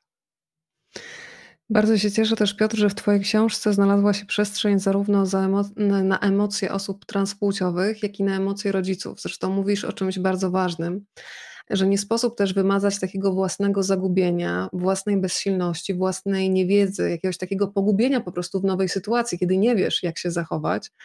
Ale jednocześnie pokazuje, że też bardzo ważne jest to, żeby nie przerzucać tych swoich trudnych emocji na dziecko. Ten rodzic dla dziecka powinien być tą skałą, opoką, ale jednocześnie musi sobie sam poradzić ze sobą, żeby móc dać to wsparcie. Powiedzmy trochę o takich miejscach, gdzie rodzice to wsparcie mogą znaleźć. Mówisz między innymi o Akademii Zaangażowanego Rodzica, mówisz o grupie na Facebooku. Myślę, że wiele osób dzisiaj znajdzie nowy kontakt i tym samym taką wirtualną, ale jednocześnie bardzo namacalną grupę wsparcia. Tak, znaczy to wsparcie to są przede wszystkim inni rodzice. Naprawdę, to jest y, najbardziej naturalne, y, naturalne środowisko, gdzie można się odnaleźć, bo bo tam widzisz y, różnorodność tych historii, w których gdzieś tam oczywiście my y, wszyscy możemy się też, też przejrzeć w jakiś, w jakiś sposób. Czasami przestraszyć. To są zresztą też trudne, trudne momenty na tej, na tej facebookowej grupie Transpłciowość w rodzinie. Też o tym z Eweliną tutaj w książce rozmawiamy, bo to jest taki moment, kiedy na przykład, ok, jesteś taką takim, taką matką debiutantką, właśnie wchodzisz, wchodzisz na tę grupę i pierwszy post, jaki tam widzisz, to, że właśnie żegnamy jakieś dziecko, tak? I co teraz? Tak? To ci nagle dostajesz, tak? Szukałeś wsparcia, dostajesz w łeb właściwie, tak? Emocjonalnie zupełnie. Mm, no ale to są właśnie, to, to, to z tym się ci rodzice mierzą, tak? Znaczy tak, że znaczy ci rodzice, no my wszyscy, znaczy my rodzice się, my, My naród. My naród, tak, i my, my rodzice dzieci trans się z tym mierzymy i to, e, więc tam nie ma taryfy ulgowej, tam nie ma jakiegoś takiego właśnie e, miziania się, że, że będzie, wszystko będzie dobrze, tak, tylko jest i dobrze i źle i, i w tym i dobrze i źle się musimy jakoś e, wspólnie odnaleźć. Odnajdujemy się często bardzo praktycznie, tak, bo, bo, bo nagle się okazuje, że ok, ktoś nowy się pojawia na grupie, skądś i, i dokładnie się, nagle się okazuje, że w tej jej, jego miejscowości też już jest ktoś, kto już przeszedł jakąś drogę i on na przykład może podpowiedzieć, do jakiego seksuologa iść, tak? Żeby nie błądzić, żeby nie trafić, żeby to nie było. Jak znaleźć, Piotr, taką grupę na Facebooku? Od razu pytam w imieniu tych, którzy teraz siedzą w napięciu i, i zaczną szukać po prostu tego miejsca. Możemy jakoś im pomóc Dobrze, to ja, ja chyba, chyba e, mogę odesłać do konkretnej osoby, bo Ewelina, e, Ewelina Negowetti, jak ją znajdziecie na, na Facebooku, to, to ona już się wami zajmie. Znaczy, do, dokładnie tak, jak zajęła się nami, bo, bo my Ewelinę poznaliśmy właściwie tuż po tym, jak się nasza córka wyautowała. Znaczy w tym komplecie informacji o niej samej było te, też na końcu informacja, słuchajcie, to jeszcze wam powiem, że jest Ewelina, jest taki numer do niej, odezwijcie się, to ona pomoże. I rzeczywiście, i rzeczywiście Ewelina to, to robiła. Zresztą y, Ewelina pomaga nie tylko y, dzieciakom i rodzicom, choć przede wszystkim właściwie rodzicom, bo to jest jednak, to też jest ważne, to jest grupa dla rodziców, a nie w ogóle dla, e, dla całych rodzin, y, które z transpłciowością się mierzą. Ona także pomaga e, początkującym autorom książek, czyli te, taki, takim osobom jak ja, bo to właśnie dzięki, dzięki Ewelinie, dzięki Ewelinie łatwiej było mi do, do, do, dotrzeć do moich bohaterek i bohaterów. Więc, e, tak, znaczy myślę, że, że to jest naj, poza oczywiście takimi fundacjami, jak, znaczy takimi organizacjami jak, jak Transfuzja, wiem, Tolerado, My Rodzice, e, to, to są takie miejsca, gdzie, gdzie tam rzeczywiście można szukać, e, szukać wsparcia, ale tak facebookowa, przecież właśnie jesteśmy na Facebooku, to myślę, że, że z automatu możecie, możecie pytać, py, szukać Eweliny i, i pytać, co dalej. To, to ona, ona się bardzo cieszy z tego kontaktu. Wspomniałaś o tym, że premiera Twojej książki miała miejsce w faktycznym Domu Kultury. To spotkanie świetnie poprowadziła Maja Heban. Pozdrowienia e, dla Ciebie. Tak przeszłam na Ty, ale mam nadzieję, że Maja nie będzie mi miała tego za złe. E, I bardzo mi się podobało, kiedy Maja powiedziała szczerze, że na początku, kiedy zobaczyła, że wśród rozmówców jest ksiądz, pomyślała sobie, ale po co tego księdza do tego jeszcze mhm. mieszać? Po co on się ma wypowiadać? No bo jest rodzaj takiego buntu we mnie też. E, co właśnie ksiądz może mieć na ten temat do powiedzenia, ale bardzo mi się podoba e, ta twoja taka bezkompromisowa rozmowa, mm, taka rozmowa może nie bezkompromisowa, bo bezkompromisowa nie przewidywałaby dialogu, ale taka rozmowa, która zaduje, zadaje trudne pytania, bo pytasz e, w dużym skrócie, upraszczając sprawę o to, ile Kościół wie na temat tożsamości płciowej, seksualności, ale nie w sensie biblijnym, tylko naukowym. I jakie odpowiedzi otrzymujesz? I przedstawmy też księdza, który e, zgodził się na tę rozmowę e, i to była jedna z tych osób duchownych, z którą naprawdę można porozmawiać, bo to też trzeba podkreślić. No tak, ksiądz profesor e, Andrzej Szostek sam wpadł mi w ręce, że tak powiem. Właściwie on nawet nie wiedział, że tak będzie, bo on był tym jednym, jedynym w Polsce księdzem, który po reportażu do mnie napisał, że, że dziękuję, bo, bo, bo tak go ta, ta historia, czy te historie poruszyły. Ja gdzieś oczywiście zapamiętałem sobie, że, że, że ksiądz, ksiądz był, że dał znać. A kiedy zacząłem myśleć o książce, to w sumie y, no, myślałem o niej, szukałem takich wątków, które są jakby takimi wątkami obowiązkowymi, tak, moim zdaniem, więc poza oczywiście tym spojrzeniem e, rodzic, dziecko, też w jakimś takim różnym ujęciu, mm, psychoterapeutka, adwokatka, tak, gdzieś, gdzieś tam się pojawia też Anna Grodzka, która dla mnie była również os, taką oczywistą rozmówczynią, ale ale ten y, wątek kościelny był dla mnie także oczywisty i to nie dlatego, że że dla mnie Kościół jest tak ważny, bo przestał być ważny, ale on jest ciągle bardzo ważnym punktem odniesienia dla, no myślę, wielu, jeżeli nie większości, yy, czy w ogóle rodzin w Polsce, no, w tym także yy, rodzin osób transpłciowych. Znaczy gdzieś ten Kościół gdzieś ten krzyż nad nami wisi. Tak? Znaczy, albo on jest w naszym mieszkaniu, albo kiedyś tam był, jeszcze tylko na ścianie jest taki, taki e, ślad po nim. E, albo byliśmy ochrzczeni i, i, i nie wiem, jeszcze tam tę pierwszą komunię zaliczyliśmy, a może nie, ale ojciec e, może tak, a może babcia ciągle do kościoła chodzą, tak? Babcia i dziadek, więc ten kościół gdzieś tam, już nie mówiąc o tym, że on jest punktem odniesienia w ogóle dla tego państwa, tak? znaczy w ogóle dla funkcjonowania państwa jako takiego. Więc yy, przecież na, nawet to, na, na, jakim poziomie my prowadzimy dyskusję yy, o kwestiach yy, nie wiem, no, światopoglądowych, etycznych, na przykład w polskim parlamencie, to dlatego, że gdzieś ten krzyż właśnie nad tym wszystkim jest, więc trzeba było się z tym jakoś uporać i, znaczy nie, nie, mogłem tego obejść, więc bardzo chciałem porozmawiać z księdzem, ale właśnie tak jak mówisz, znaczy może nie tyle właśnie bezkompromisowo, co tak no, partnersko, tak? Znaczy nie, tak. No, po, po, Bez unikania sobie... trudnych pytań, po prostu. Tak, tak, a także takich pytań no, z pograniczu, z pogranicza mm, no może takiej właśnie herezji bezczelności, bo tam chyba pierwsze pytanie jest o to, y, że Okej, okay, znaczy jeżeli chrześcijanin wierzy w to, że Bóg stworzył kobietę i mężczyznę, to czy Bóg stworzył trans kobietę trans kobietę i trans mężczyznę? Tak, mężczyznę tak. prawda? To jest takie pytanie właściwie mi się wydawało dość e, oczywiste, ale oczywiście, ale oczywiście nie każdy ksiądz chciałby, w ogóle on mógłby mi drzwi zatrzasnąć już, tak? Po, po, tak. po, po, po takim pytaniu. No, a z księdzem profesorem się brnie w tym naprawdę, naprawdę świetnie. Tak, czy ksiądz Andrzej Szostek to profesor tak, etyki? Prawda? Tak, to prawda, on był rektorem e, Katolickiego Uniwersytetu Lubelskiego przez lata, więc tak, to jest, e, to jest właśnie ten sam. I on właśnie no, nie unikał żadnych pytań, odpowiadał na wszystkie, które, które mu zadałem, tak jak potrafił, czasami myląc pewne pojęcia, tak, znaczy dla niego, e, znaczy jakby nie, nie, nie, nie czując na przykład jakiejś takiej już nieprzystawalności w takich określeniach, jak nie wiem, właśnie dla, dla, niego transpłciowość i nie wiem, nieomal z transwestytyzmem to było prawie, prawie to samo, tak? Ale to, tylko, że okej, okay, dziś się pogubiliśmy może na poziomie słów, ale, ale spotkaliśmy na poziomie otwartości, tak? Że on był właśnie w stanie się otworzyć, otworzyć na tę rozmowę. Rozmowa, która ostatecznie w jakimś tylko procencie jest o transpłciowości. Ona jest tak naprawdę o kondycji polskiego kościoła, o tym właśnie, dlaczego ta kondycja jest taka, taka jaka jest i dlaczego właśnie do jakiego stopnia y, księża nie są przygotowani na, na takie y, zmierzenie się z prawdziwym życiem. Znaczy, Ty też zadajesz bardzo ważne pytanie, czy na przykład Kościół sobie wyobraża, czy konkretnie ksiądz profesor, że kiedyś osoba transpłciowa zostanie ogłoszona świętą. I też zadajesz to pytanie wprost, bo dlaczego nie? No, no właśnie, dlaczego nie, prawda? Zwłaszcza jeżeli ustaliliśmy z księdzem profesorem, że, że Bóg stworzył taką osobę, więc właściwie e, tutaj ani bramy raju nie są zamknięte, ani bramy do, do świętości e, także zamknięte być nie, nie, nie powinny.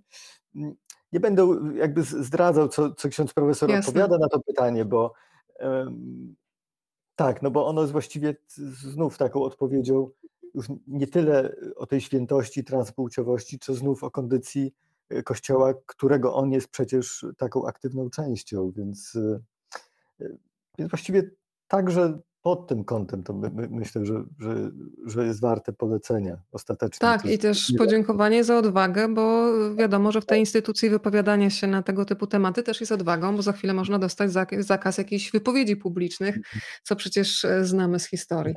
Ja przepraszam, e, Aha, tak. dobrze, okej. Okay. Ja chciałem tylko wtrącić. A propos y, Mai Heban, o której, którą przywołałaś właśnie z, z, tej, z, tego spotkania promocyjnego książki, bo myślałem, że powiesz nawet nie tyle o księdzu, co o tytule, bo y, Maja Heban najbardziej, to, to było dla mnie w ogóle bardzo ciekawe, bo my się nie umawialiśmy na żadne pytania oczywiście w trakcie tego spotkania. Ja w ogóle do, dopiero jak ona mi powiedziała, że y, szczerze mówiąc ma problem z tytułem tej książki, to wtedy mi uświadomiło to, że ile we mnie było takiej bezczelności właściwie, że ja założyłem, że przecież jej się musi ta książka podobać, tak? Znaczy to nie jest tak, tak że nie, no jak to, przecież napisałem taką książkę, no to jak to, to radość wielka, tak, że, że, że książka powstała, a tymczasem Maja mówi, nie, nie, słuchaj, wiesz, no ten tytuł, zobaczyłam ten tytuł i no to mi się już lampka jakaś zapaliła. Znaczy, co tak, znaczy? dlaczego ktoś, kto nie jest transpłciowy, tak, opowiada tak. o nas, ludziach transpłciowych, tak? tak? My trans i tu nagle jest Piotr Jacyn, który przecież nie jest trans, więc o co ci chodzi? I, mm, i to jest właściwie to, o czym ja już wcześniej mówiłem, tak? Znaczy, że e, my mamy taką skłonność, my cispłciowi ludzie, do e, takiego, znaczy w ramach nawet tej naszej empatii, prawda? czyli chcemy dobrze, ale takiego opowiadania za nich, ich życia i takiego rozumienia za nich tego życia. E, I więc ta uwaga Mai była bardzo taka e, znacząca i moim zdaniem potrzebna, żeby sobie ustalić, w których miejscach jesteśmy, a nawet w których powinniśmy być my wszyscy. Pani Beata napisała kolejny ważny komentarz. komentarz. Wsparcie przydałoby się także nauczycielom. Szkoła powinna umieć odnaleźć się w takich sytuacjach i pomagać uczniom transpłciowym oraz, a może przede wszystkim koleżankom i kolegom. I tutaj też te opowieści, które mm, przytaczasz w książce są przejmujące, bo okazuje się, że kiedy rodzic przychodzi i prosi na przykład, żeby zacząć się do jego dziecka zwracać końcówkami żeńskimi, E, no to jest panika. Pani dyrektor na przykład jest przerażona. Mało tego, to rodzic wychodzi z inicjatywą, że przyprowadzi seksuologa, który wyjaśni, e, jak pomóc e, dziecku przede wszystkim, ale też pomóc zrozumieć nową sytuację i koleżankom, i współuczniom, i nauczycielom. A reakcja jest raczej paniczna. Z czego ta panika wynika? No z niewiedzy, tak? Znaczy wszystko, co co wokół transpłciowości y, dzieje się. Tylko wiesz, ktoś ci proponuje właśnie seksuologa, który ci pomoże zrozumieć, i ty nawet na tę pomoc reagujesz tak, że nie wiesz, co ze sobą zrobić. To jest przerażające, no tak, że no ktoś tak. taki zarządza szkołą. No tak, ale wiesz, y, no oczywiście tak, to, jest, y, to, to, to nie jest nic optymistycznego, ale wiesz, moim zdaniem ta wizyta seksuologa, ona była równie, e, równie straszna się wydawała, jak, jak, jak to, że jeden z uczniów jest osobą transpłciową, znaczy, bo wizyta seksuologa właściwie jest na. Wiesz, no to wszystko trochę zależy od tej naszej atmosfery takiej społecznej, w której my, my żyjemy, czy właściwie inaczej, e, nawet społecznie, nawet bardziej państwowej, tak? Znaczy, jeżeli, e, je, jeżeli ci kolejni ministrowie edukacji mówią o seksualizacji dzieci, no to już sama ta wizyta seksuologa jest czymś ola Boga strasznym, tak? Znaczy w ogóle nie możemy do tego dopuścić, bo bo nie daj Boże się czegoś dowiemy, tak?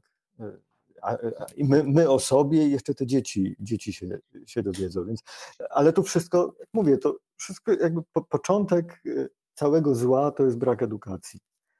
Mm, no i znaczy wszystko, co się zmienia pod tym względem, zależy tylko i wyłącznie od takich indywidualnych inicjatyw rodzicielsko-nauczycielskich. Tak? Znaczy po prostu jesteś takim rodzicem, tak, który ma w sobie determinację, żeby coś robić, i trafia na nauczyciela, który też ma w sobie tę determinację. E, trafisz do szkoły, w której e, dyrektor czy pani dyrektor nie, nie będą w tym przeszkadzać, a może dadzą zielone światło, super, to macie szczęście. Ale jak e, nie macie szczęścia, to, to, to będzie jak będzie, i to znów pokazuje, jak bardzo jakby jak bardzo nie mamy systemu na to, tak? Znaczy, jak bardzo osoby transpłciowe e, nie istnieją w żadnym systemie, także tym edukacyjnym, tak? Bo gdybyśmy, gdybyśmy mieli jakieś jasno określone procedury, tak? Jak, jak tutaj postępować, to moglibyśmy się do nich odwoływać i wiedzielibyśmy, że to się nam należy i tak powinno być. A tu wszystko zależy od tego, e, czy ktoś po tej drugiej stronie będzie chciał się zrozumieć, czy nie.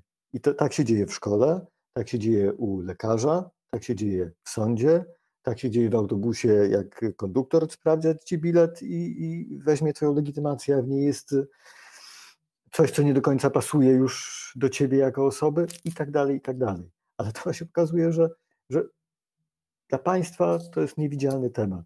I tu się właśnie zaczynają e, schody i problemy i ta, ta, takie, takie totalne ubezwłasnowolnienie tych osób, takie oddanie siebie właśnie za każdym razem, codziennie, po kilka razy w przypadkowe ręce. Powiedz jeszcze taką jedną rzecz, bo to było coś, co mnie zaskoczyło. Zastanawiam się, czy, czy dla ciebie to też było zaskoczeniem. Myślę o spotkaniu z Felixem, e, który opowiada o tym, że w zasadzie byliśmy chyba bardziej otwarci, myślę w sensie takiej otwartości umysłu, głowy, na kwestie transpłciowości na początku polskiej transformacji w latach 90. Mnie to zaskoczyło, zastanawiam się, czy, czy dla ciebie też to było coś, co no, wydawałoby się, że jest lepiej, bo mamy rok 2021, a jednak niekoniecznie. Tak, ja w ogóle za tą historią poszedłem e, właśnie dlatego, że mnie tak zafrapowało to, że, że mogę porozmawiać z kimś, kto swoją tranzycję przechodził właśnie na początku polskiej transformacji. Zresztą na Feliksa trafiłem, bo, bo Wiktoria mi go właściwie gdzieś tak podpowiedziała. No, gdzieś znalazła jego wpis na, na, na, jakiejś grupie na Facebooku i... Zatrzymam cię na chwilę tylko Piotr, bo gdzieś mm. mi tutaj mm, um, umknął taki komentarz, że ktoś nie do końca rozumie na czym polega problem. Powiedziałeś na przykład słowo tranzycja i myślę, że dla wielu osób, które chcą zrozumieć, to już może być ten moment tranzycja, czyli co? Żebyśmy jasno wytłumaczyli, z czym my się mierzymy, bo może jeszcze to nie wybrzmiało dla tych wszystkich, którzy po mhm. prostu nie siedzą w temacie i mają też do tego prawa, chcą wiedzieć i zrozumieć. No, tranzycja to jest ten proces, który przechodzi osoba transpłciowa, żeby, żeby dojść do takiego, takiego odbioru społecznego, jaki, jaki jest jej potrzebny, jaki jest wymarzony. Tak? Znaczy ten odbiór społeczny jest tak naprawdę naj, naj, najistotniejszy. Czyli mamy no, na przykład ale... osobę, która ma zapisaną w akcie urodzenia kobieta, natomiast tak. można powiedzieć po prostu, że jest to mężczyzna w ciele kobiety. Proszę sobie w ogóle wyobrazić ten rodzaj uwięzienia w obcym ciele, które nie jest twoje. Tak, no to tak my sobie osoby cispłciowe tak. próbujemy, próbujemy tak. tak. to wyobrazić, jak porozmawiamy z osobami transpłciowymi, to one się... To, to jest to bardziej skomplikowane. Tak, bo one nam powiedzą, że y, no nie, no może akurat nie, nie mówmy o więzieniu, bo my to jeszcze inaczej okay. czujemy. Więc to jakby zostawmy tak. takie. Dzięki za tą y, uwagę, bo faktycznie znowu to jest nasze wyobrażenie, a nie tak. doświadczenie. Tak, tak natomiast y, dla osób transpłciowych no, najważniejsze jest to, żeby, znaczy poza tym, żeby one pewną zgodność same ze sobą mają, tak? tylko właśnie ten odbiór społeczny jest taki, jaki jest. Tak? Ktoś widzi inną osobę niż, on, niż, niż one się czują, więc cały proces tranzycji no to jest zarówno e, cała ta sfera hormonalna, tak, takiego, takiego jakby przeobrażania, przeobrażania się, ale także zmiana dokumentów. To też jest jeden z elementów tego, e, tego procesu, czyli żeby mieć dokumenty, ten dowód osobisty, który jest dowodem na faktyczne takie, a nie inne istnienie, a nie jakieś inne istnienie, prawda? Tak. Gdzie, gdzie, gdzie to jest po prostu kłopotem nie wiem, czy, czy, czy wszystko wytłumaczyłem, ale może już bardziej nie, nie będę, żeby też nie zabrnąć gdzieś tam, gdzie, gdzie mogłoby się zrobić za bardzo cispłciowo, tak powiedziałbym. To przedstawmy jeszcze Mateusza, ponieważ on też jest współtwórcą książki My Trans. E, rysunki to jest mhm. jego praca, która bardzo działa też na wyobraźnię i pokazuje, oddaje w takiej formie rysunkowej emocje i uczucia, o których opowiadają Mm, bohaterowie, bardzo często te rysunki właśnie pojawiają się przy Twoich rozmowach e, z tak, Wiktorią, tak, bardzo mocne, zostające w głowie. Tak, tak. No ja bardzo się cieszę, że, e, że, że Mateusz też w tym sensie częścią tej, e, tej książki, że trochę taki myk tutaj zastosowaliśmy, jak w przypadku reportażu, że tam była muzyka mojej, mojej córki, że on nagle właśnie ten rodzaj wyobraźni, takiej tam muzycznej, tak, artystycznej, że on nadaje nam też jakiś, e, jakiś e, charakter e, temu reportażowi. Tak, z kolei ta kreska Mateusza, która jest, myślę, że, że w niej się wiele osób transpłciowych może odnaleźć, że to jest ten rodzaj estetyki też, którą oni jakoś, nie mówię, że wszyscy, ale że, że, że, że gdzieś tam lubią i się w niej spotykają. No z Mateuszem było tak, że ja właśnie do niego pojechałem na, na, na rozmowę do Gliwic siedzieliśmy sobie w jego pokoju, pokoju, który był właściwie taką jedną wielką ilustracją jego świata, bo tam było właśnie całe mnóstwo ilustracji, które on, on tworzył, swoich postaci. I też jakoś nie od razu to było dla mnie, e, jakoś to mi wpadło, że a może on by coś zrobił do tej książki ale to gdzieś się właśnie spotkało też z takim moim myśleniem o, o tych fragmentach e, rozmu, rozmowy z moją córką, że ja chciałem, żeby, żeby one też były jakoś tak wyróżnione, nie wiem, żeby coś tak się zadziało tam wokół nich. I wtedy pomyślałem, że tak, no ilustracje byłoby super, no to, no to Mateusz to byłoby super, tak? Znaczy, jeżeli, jeżeli on by się na to, na to zgodził, no i się zgodził, i to jest naprawdę dla mnie bardzo mu dziękuję. Nie wiem, jego tutaj nie ma, ale Ania tutaj gdzieś, gdzieś była, więc niech, mam nadzieję, że Ania mu przekaże, że, że ja się bardzo cieszę i naprawdę y, bardzo mi jakby dopełnił i skleił tę książkę, właśnie tą swoją wyobraźnią. Rodzice też piszą bardzo często o tym, nawet w komentarzach to się tutaj pojawia, mm, że martwią się po prostu o swoje dzieci, o ich obecność tutaj w Polsce. Ty zadajesz jednemu z bohaterów pytanie o to, czy chce wyjechać z Polski i on mówi wprost, nie chciałbym uciekać, chciałbym nie móc uciekać. O, to też e, zmienia e, sens tej wypowiedzi. Dla mnie też przejmujący był moment, kiedy jedna z twoich bohaterek mówi o tym, że już teraz dba o naukę języków obcych małego dziecka i to kilku, nie jednego, żeby miało w przyszłości szansę wybrać sobie sobie taki kraj, w którym będzie się czuło bezpiecznie. E, ty, Piotrze, z tego co słyszałam podczas spotkania w Faktycznym Domu Kultury, stwierdziłeś, że no, ta miłość do Polski jest trudna, ale jednak zamierzasz tu zostać i, i walczyć e, o zmiany. Nie przemknęło wam nigdy przez myśl coś takiego, że może szkoda tracić tej energii tutaj, a spróbować się zadomowić gdzie indziej. Trochę prowokacyjnie pytam, ale jestem ciekawa, czy taka myśl kiedyś była?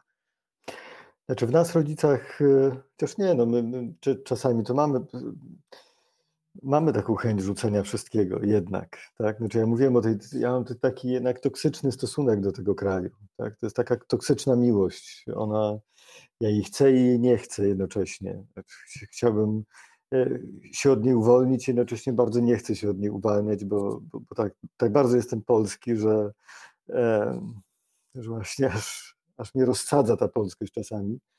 Mm, trochę nasza córka gdzieś tam też jej przez głowę przeszło, że, że może.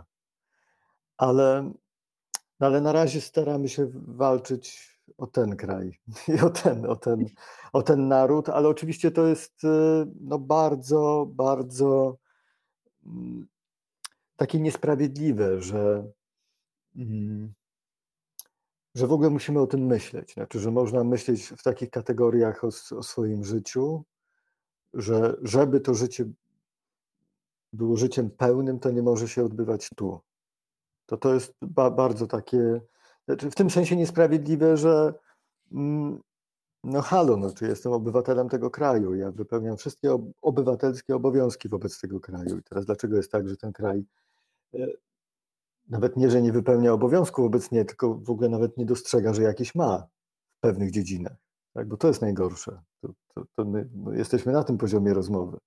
Jeżeli chodzi o osoby transpłciowe, to po prostu to państwo e, u, uważa, że nie ma tematu. Tak? I mm, no to, to wychodzi też w takiej rozmowie z, z Joanną z Niemiec, ona zresztą wprost przyznaje, że czasami jest, a jest też na tej grupie e, rodzicielskiej, że jest czasami tak głupia, jak czyta, jakie problemy mają, mają rodzice w Polsce, bo tego typu problemów ona akurat nie ma. Także tych finansowych, bo, bo to też e, no, pamiętajmy, że, że tu za wszystko się płaci. Za wszystko. Za wszystko, za wszystko. Za hormony mamy. też do końca życia, prawda? Bez refundacji. Tak, tak, tak. Bo, bo, bo, bo też znaczy, nawet coś takiego jest. To, ja znów wrócę do tego określenia, że to jest właśnie państwo opresyjne, no bo ono to co to znaczy, że dla Narodowego, Narodowego Funduszu Zdrowia terapia hormonalna nie podlega refundacji? To znaczy, że ten Narodowy Fundusz Zdrowia wysyła taki sygnał, taki w ogóle do społeczeństwa wysyła ten sygnał, że te terapię hormonalną tak można, ale nie trzeba. Że to jest taki rodzaj znów, ten, użyję tego strasznego słowa fanaberii, gdy tymczasem w przypadku osób transpłciowych to jest terapia ratująca życie, nawet nie zdrowie, życie. Życie. Pani Ula zadała pytanie, które ja trochę pozwolę sobie rozwinąć. Pozdrowienia z Łodzi. W którym momencie rodzice wiedzą już na pewno, że sytuacja jest poważna, niechwilowe zawirowanie w głowie dziecka? I tak ja to rozwinę w ten sposób, Piotrze, że myślę sobie, że dla wielu rodziców chyba też taką ulgą jest wizyta u specjalisty, u seksuologa, endokrynologa i jasny przekaz, że tutaj nie ma nad czym dyskutować. Mamy do czynienia z osobą transpłciową. Trzeba pomóc jej być sobą w końcu. Więc y, ja tu tak się staram rozwinąć, ale powiedz to, proszę, proszę o Twoją odpowiedź na pytanie, Pani Uli. Znaczy ja bym jednak y, zaczął i skończył na dziecku. Znaczy ja bym jednak tak. najbardziej się wsłuchiwał w to, co ono ma do przekazania, bo mhm. Y, musimy niestety pamiętać, że z, z tymi specjalistami to też różnie bywa i o tym też mówią rodzice, bardzo często zresztą. Bo tak, no widzą dziecko, które ma ma jakiś rodzaj problemu, jeszcze nie wiadomo, jeszcze go nie zdefiniowaliśmy tak do końca, e, no ale idziemy do, nie wiem, najpierw do psychologa, potem właśnie może ten psycholog nas przekieruje do seksuologa, ale to też nie jest niestety tak, że ten seksuolog zawsze mm, jest seksuologiem, który o transpłciowości wie wystarczająco dużo. Więc teraz jak my się tak znaczy, w idealnej sytuacji e, to jest tak, że mamy dziecko, które nam coś komunikuje, a my chcemy to zweryfikować i idziemy do specjalisty. I powinniśmy móc y, zweryfikować to wszystko i się spotkać tak, u tego specjalisty tak. i z tym dzieckiem, tak, i, i wyjść z takim poczuciem, ok, to my wiemy, y, wiemy jak to dalej ma być. Mm, no ale to wiedzą już ci rodzice, którzy przeszli swoją drogę, że że nie z każdego gabinetu y, seksuologa wychodzi się z takim przeświadczeniem, czasami wychodzi się z przeświadczeniami zgoła innymi, tak? Ma się na przykład ciągle takie poczucie, że no przecież my dbamy o to dziecko, bo na przykład chodzimy na jakąś terapię, tak? Ale hmm. ciągle na przykład widzimy, że to dziecko zamiast w górę, to jednak w dół. I, i, i też wiesz, za, zanim y, do ciebie dotrze, że to może jednak terapeutę trzeba zmienić, bo może coś tutaj nie działa, tak? Może, może właśnie trzeba poszukać nawet na tej grupie rodziców i, i może tam ktoś podpowie kogoś, kto, e, kto jest po prostu sprawdzony, tak? Znaczy po prostu jest, jest specjalistą, a nie kimś, kto mówi, że jest specjalistą. E, ale ponieważ tak bywa w tych gabinetach, to jednak e, nie wiem, no ja bym najbardziej chyba stawiał na to, żeby Y, żeby dużo, dużo rozmawiać ze swoim dzieckiem. Piotrze, mam pytanie e, dla Ciebie od pani Sabiny. Mm, jestem osobą transpłciową, chciałabym podziękować za książkę. Bardzo, tak bardzo i zapytać się, czy jest szansa spotkać i przytulić się do Piotra gdzieś kiedyś we Wrocławiu. No to przekazuję pytanie i teraz daj znać, czy można się do Ciebie przytulać we Wrocławiu. E, e, tak, no proszę bardzo, jak pytanie pada z Wrocławia, to mam bardzo już, znaczy Chciałbym jeszcze konkretniejszą odpowiedź, ale taką, że e, do przytulania, znaczy planuję przytulanie we Wrocławiu 10 grudnia. No. A jakoś tak pewnie późnym popołudniem, ale jeszcze nie wiem dokładnie o której, w jakim miejscu, ale na pewno będę dawał e, znać na Instagramie chociażby, więc, e, więc odsyłam. Drodzy Państwo, Piotr powiedział, że jest od niedawna w mediach społecznościowych, więc bardzo proszę wszyscy, którzy dzisiaj są razem z nami, teraz e, zacząć obserwację Piotra na Instagramie. Tam jest, więc e, e, tam też można szukać konkretnych informacji, na przykład na temat Wrocławia. Tak, i nie wszystko musi się kończyć na przytulaniu oczywiście, ale jestem otwarty na kontakt. Tak. Pytanie o przytulanie w Łodzi od Oli. No było, już się przytulałem. Przytulałem się w, w, środę w Łodzi, więc y, no nie wiem, to teraz będzie trzeba chyba po, poczekać trochę, ale yy, nie no, zobaczymy. Tak? Ale Łódź no, na razie mam od, odhaczoną. Y, Ania pyta, Panie Piotrze, kto dla kogo był większym wsparciem dla siebie nawzajem, pan czy żona? Pozdrawiam, nie poddawajcie się, jesteście cudownymi rodzicami. No to ja nie mogę odpowiadać tutaj sam w pojedynkę. No, my naprawdę jakoś tak i, razem, więc ja bym tu jakiś znak równości postawił, ale, ale nie, nie chcę za Magdę odpowiadać, więc, więc więcej nie powiem. Ale, ale, ale dobrze jest. Słuchaj, ja bym jeszcze chciała, żebyśmy podziękowali doktor Agnieszce Rynowieckiej, która z osobami transpłciowymi pracuje od 12 lat. Bardzo ciekawie też mówi o tym, że dopiero od kilku lat dostrzega się niebinarność i to też jest y, osobny rozdział na opowieść. Ale też pani doktor Agnieszka Rynowiecka uzmysłowiła mi o takich absurdach w polskim prawie, mm, kiedy na przykład dochodzi, który też no, prawo zmusza do rozwodu, ale na przykład jeżeli już mamy parę lesbijek, to po tranzycji będzie mogło dojść do tak. związku, prawda? To są takie rzeczy, tak. o których się w ogóle nie myśli, dopóki ta sytuacja cię nie spotka. No tak, no to są, y, chociaż te, teraz to brzmi, tutaj jak rozmawiamy, jak taka ciekawostka, ale przecież y, ostatecznie to są ludzkie dramaty, znaczy, które się, e, no bo tak, no jeżeli mamy, y, mamy małżeństwo, w, w którym jedna osoba jest transpłciowa i ona chce jakby tę transpłciowość do pewnego stopnia udowodnić przed sądem, tak? chce zmienić dokumenty, to ono e, najpierw e, musi się rozwieść. A to dlatego, że gdyby się nie rozwiodła, a sąd by e, zgodził się na tę korektę w dokumentach, korektę płci, no to nagle byśmy mieli ten związek jednopłciowy w Polsce o zgrozo, co jest przecież ola Boga absolutnie niemożliwe. Więc teraz te osoby muszą się rozwieść i teraz, tylko żeby się rozwieść, to one muszą udowadniać w sądzie, że one na przykład się nie kochają. Teraz w ogóle słyszę, że zmieniają się przepisy dotyczące rozwodów i polskie państwo, e, walcząc, jak się domyślam, o, o stabilność polskich rodzin, będzie te rozwody utrudniało i będzie trzeba, e, będzie to trwało dłużej, tak? I, i będzie trzeba nawet, e, będzie jakiś mediator w to włączony, żeby na przykład godzić jakich małżonków. No ale to teraz sobie wyobraźmy, właśnie te, te, takie małżeństwo, tak, które musi iść do sądu, bo ono się po prostu formalnie musi rozwieść, ale e, ponieważ państwo wymyśliło sobie właśnie taką nową procedurę pod tytułem ratujemy polskie małżeństwa, to będziemy ich zmuszać do tego, żeby jednak oni ciągle byli tym małżeństwem, ale oni chcą być tym małżeństwem, tylko nie mogą być formalnie przed tym państwem, bo nie mogą być sobą do końca, tak? I się robi już taka... Czyli znowu zmusza się człowieka do kłamstwa przed sądem, tak, żeby, tak, żeby nie tak. mógł tak. być sobą. I takie tak, piętrowe tak. kłamstwa, prawda? Tak. tak, i tu zobacz, wracamy do tego cytatu z Wiktorii, tak, która mówiła, że wszyscy ci mówią bądź, bądź sobą, sobą. Tak? bo to jest takie naturalne, tak? Nie, no jak masz problem, bądź sobą po prostu, tak? Idź do przodu, tak? I teraz i co? Tak? To się jako osoba, która chce być sobą, ciągle uderzasz o ścianę jedną, drugą, trzecią. Y, też przy okazji doktora Agnieszki Renowieckiej bardzo ważne też było dla mnie ta opowieść o tym, że bardzo często współistnieją diagnozy, na przykład y, Aspergera i transpłciowości, o czym też, jeżeli ktoś nie jest w środku tematu, też nie wie. Tak, to też y, powoduje, że, że jeszcze bardziej się błądzi, tak? bo, bo, bo szukamy, poza tym, no właśnie jak na przykład taki specjalista nam powie, a tu właśnie to jest ten zespół Aspergera, no to właściwie możemy powiedzieć, aha, to to, tak? I na przykład kończymy, kończymy właściwie trochę z dzieckiem rozmowę na, na, na temat jego e, problemów. A te rzeczy nie wykluczają, znaczy można mieć, że tak powiem, i to, i to, tak?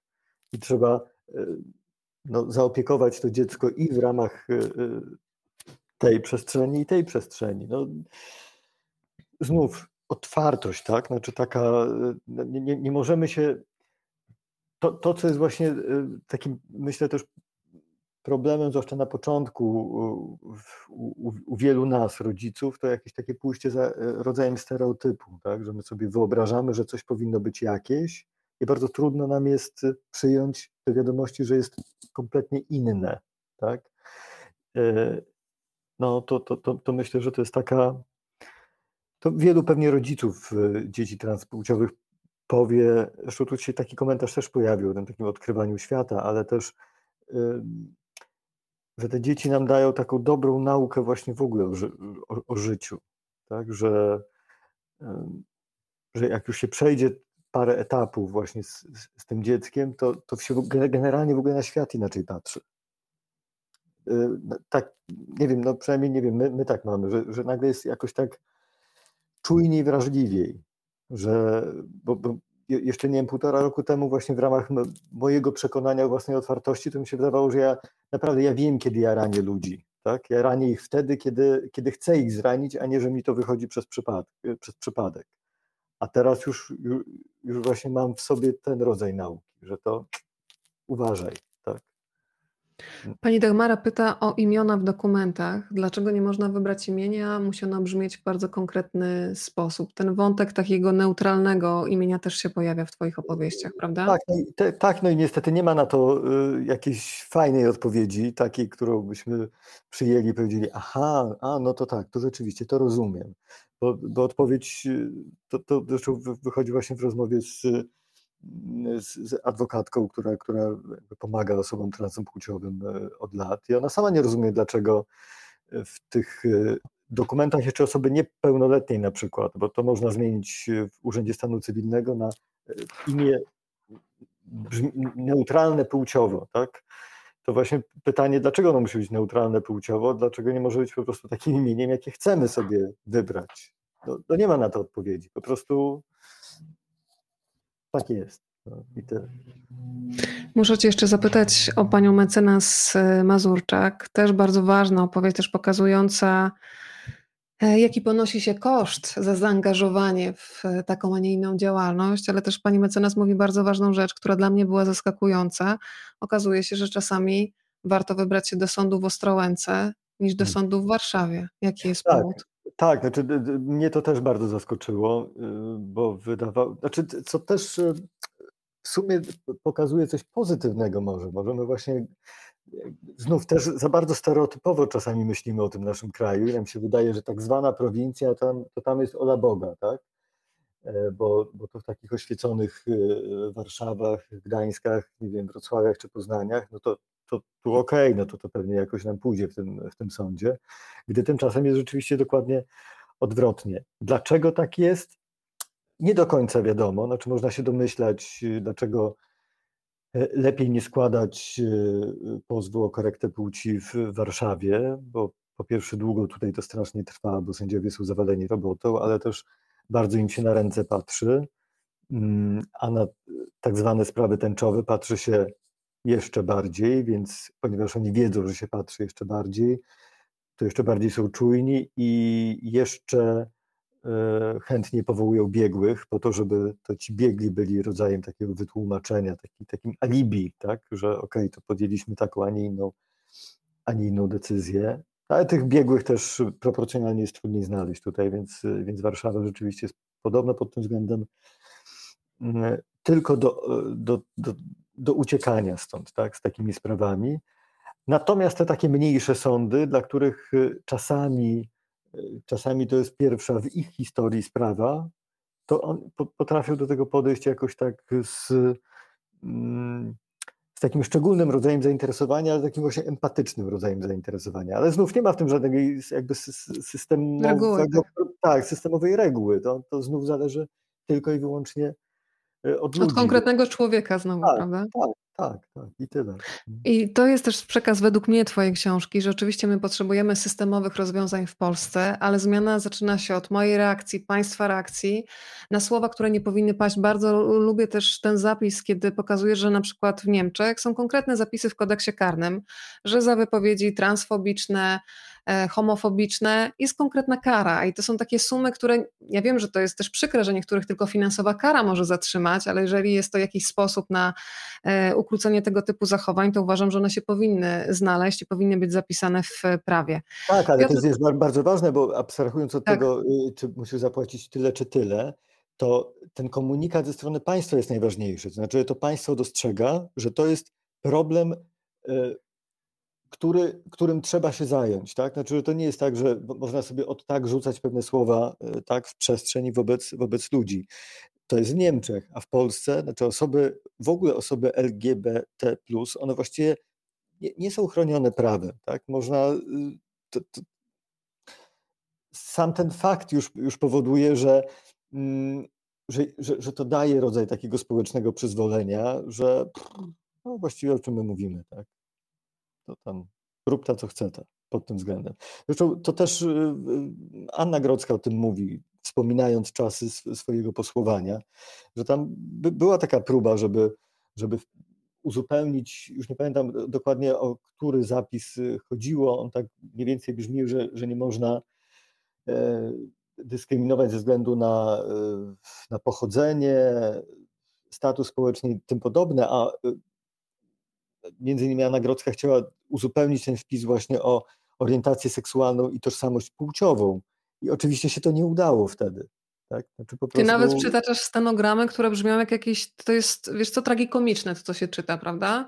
To, co, do czego dotarłeś i pokazujące, że tak naprawdę nikt nie bierze odpowiedzialności, a była szansa na to, żeby te wszystkie sprawy rozwiązać tak, żeby każdy czuł się w tym kraju równy. Możemy być różni, ale bądźmy równi.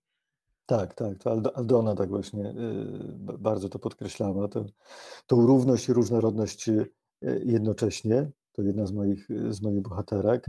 Y, tak, no, ten scenogram to, to polecam, to jest przykra lektura, ale ona też, też właściwie można czytać cały ten wątek polityczny, z jednej strony oczywiście skupiając się na, na kwestiach transpłciowości, ale może nawet bardziej on pokazuje czym jest polityka, tak? I jacy są politycy, i jak właściwie oni nam czasami przez y, przypadek, y, nawet nieintencjonalnie porządkują, czy tak meblują to nasze życie.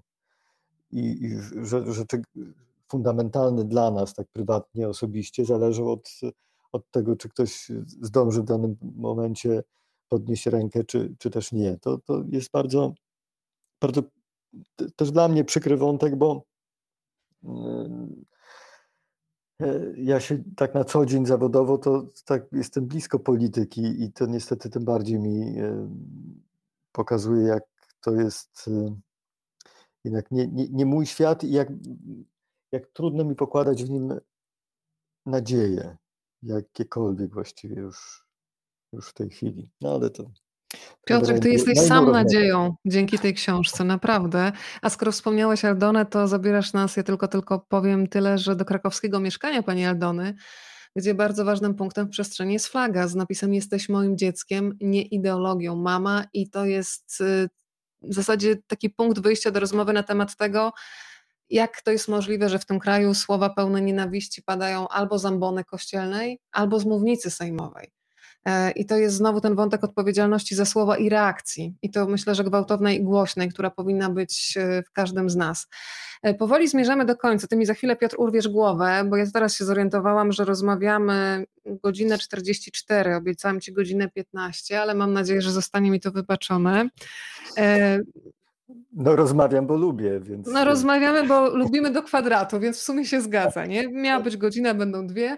Pytanie od pani Arlety. W Poznaniu, czy już było przytulanie w Poznaniu? I muszę ci powiedzieć, że teraz będę cię przedstawiać jako człowieka, który doprowadza kobiety do łez, bo pani Arleta pozdrawia z córką, wzruszona i bardzo dziękujące za rozmowę i totalnie uwielbiające pana jako człowieka i dziennikarza przekazuje z radością. Dobra, ja będę płakał później, e, a z tym przytulaniem w Poznaniu, no, akurat Poznania nie miałem na mapie, co oznacza, że wszystko przed nami. Tak, więc to, to, to i tak jesteś, jesteśmy w lepszej sytuacji niż w Łodzi, którą mam za sobą. Tak. Słuchaj, padło bardzo konkretne pytanie, mm, na które powinna być odpowiedź według mnie od razu jasna i twierdząca. Czy wyobrażają sobie Państwo, że arcybiskup Jędraszewski dostaje karę za to, co mówi podczas kazania? No, znaczy ja wyobrażam sobie karę, jaką mógłby dostać, ale, y, ale wyobrażam sobie, że, że nie w tym kraju ciągle. Tak więc no, no to jest o tym opowieść, tak? Niestety, niestety, ni, niestety też. Zresztą, e, no tak, ale biskup Jędraszewski y, dostałby karę, gdyby na przykład polskie prawo y, tak penalizowało to, znaczy to, w jaki sposób mówi się o mniejszościach. A ani nie dostaje tej kary biskup Jędraszewski, ani nie dostaje y, jej towarzystwo Kai Gody, które zupełnie forma, jakby otwartą przyłbicą wchodzi do tak. Sejmu i ma pierwsze czytanie ustawy, która tam roboczo jest nazwana Stop LGBT, ale niestety bardzo dobrze to oddaje jakby zawartość tego, tego tam powiedzmy y, dokumentu, który przecież, znaczy to w jaki sposób on był uzasadniany, on, to nie powinno mieć w ogóle miejsca w tym państwie, y, gdyby prawo było tak sformułowane, że, że, że pewnych sformułowań publicznie używać nie można. A można, nawet w Sejmie. Piotr, to ja mam jeszcze takie pytanie na koniec. Jeżeli ktoś z Państwa jeszcze by chciał, to, to już jest ostatni moment, żeby się włączyć. Czy Ty się nie obawiałeś też e, reakcji na książkę, ale nie tego, czy Ty to udźwigniesz, bo jesteś dziennikarzem, funkcjonujesz w tym świecie od lat, ale czy nie bałeś się o Wiktorię? Bo zachowania i reakcje mogą być różne. Ja wiem, że ona cały czas jest e, schowana, ty jesteś jej tarczą i to jest e, świetne, ale zastanawiam się, czy rozmawialiście i czy nie miałeś w sobie takiego lęku, jak ona zareaguje, kiedy nagle zacznie się dyskutować o tym wszystkim bardzo głośno i stanie się w pewnym stopniu pośrednio, ale jednak osobą publiczną. E, nie ma na to pytanie odpowiedzi takiej zamkniętej już, bo to się właściwie ciągle dzieje. Tak. tak? I, I my się właściwie też ciągle każdego dnia jakoś z tym e, mierzymy.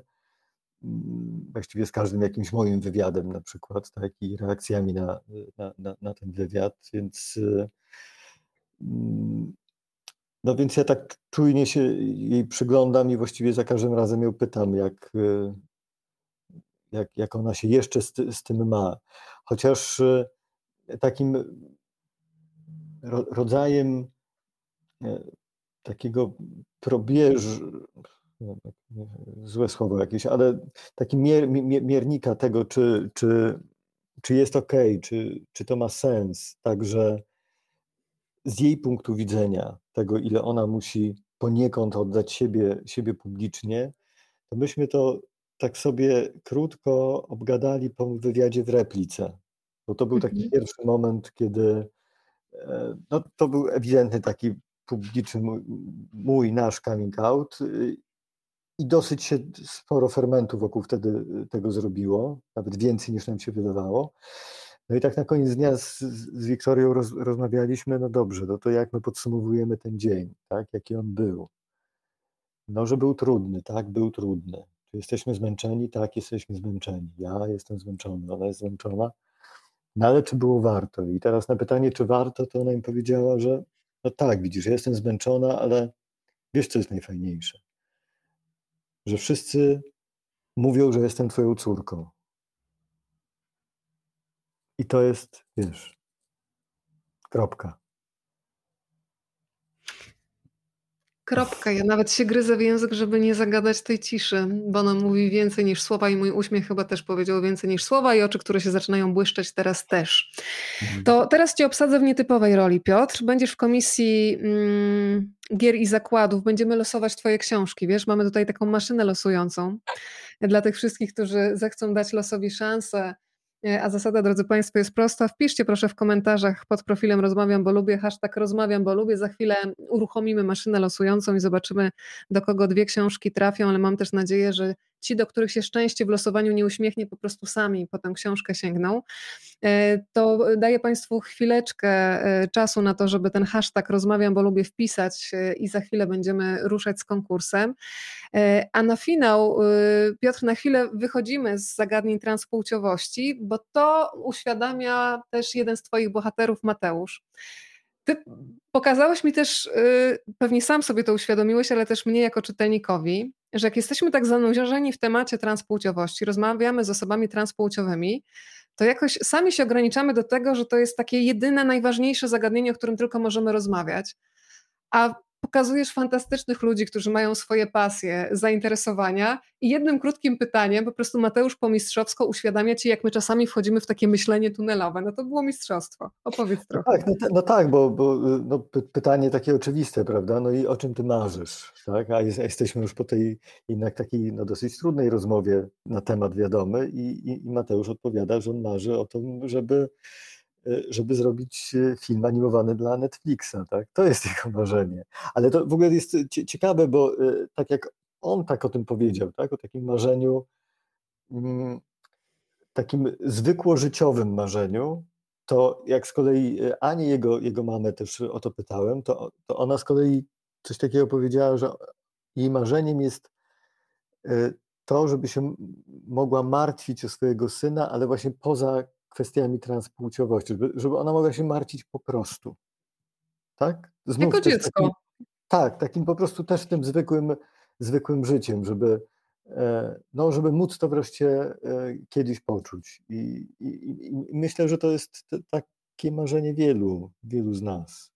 Tak, żebyśmy mogli tak sobie żyć po prostu.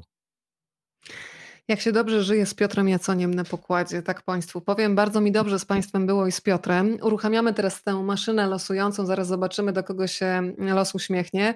My w zasadzie teraz, ja powinnam być teraz w garsonce, a ten y, Piotrze w y, takim krawacie pewnie. Pamiętasz tę komisję podczas losowań no Tak, tak. Kiedy mhm. ten bęben maszyny losującej zwalniał i Państwo się tak witali, no to my już teraz ruszamy. Poproszę o uruchomienie naszej maszyny i zobaczymy, do kogo się uśmiechnie za chwilę szczęście. Mm, ale skoro wywołaliśmy ten temat, y, Piotrze, o czym marzysz, to ja tobie też zadam to pytanie. Zuzie gratuluję, to już jedna osoba, a Piotr y, w tak zwanym międzyczasie opowiada o rzeczy najważniejszej o marzeniach. No ale to ja chyba mam takie samo. Mam takie samo. Znaczy ja bym chciał. Mm, tak, ja bym chciał takiego. Takiego życia po prostu, w którym jest y, Okej, no czasami może być i, i, i miejsce tam na, na jakiś smutek, ale takie, wiecie, że możemy sobie tak od właśnie w miarę beztrosko zaplanować, że o, to będziemy, będziemy to i tamto, może wakacje, może po wakacjach. No. No, to ja no, zwy, zwy, zwy, zwykłość, wiesz, naprawdę. Przy, przy ty, tym ogromie niezwykłości, w którym się y, odnajdujemy, wspólnie, to tak, zwykłość jest pożądana i marzona. Tego Ci z całego serca życzę. Pozdrów e, swoje dziewczyny, podziękuj im za to, też jakim jesteś mężczyzną, bo nie miałam najmniejszej wątpliwości, że to jaki jesteś, to jest właśnie zasługa tych kobiet, które e, wspominasz we wstępie, w dedykacji. Zgoda. Y, ja też gratuluję pani Eli, która wygrała i poproszę panie, które zostały wylosowane o kontakt do mnie po programie, to ustalimy szczegóły, w jaki sposób książki do pani trafią. Ja państwu dziękuję z całego serca za uważność, za wrażliwość, za komentarze. Mm, I zapraszam na kolejne odsłony Rozmawiam, bo lubię. Piotr, a ja mam też takie marzenie, mogę je wypowiedzieć na głos?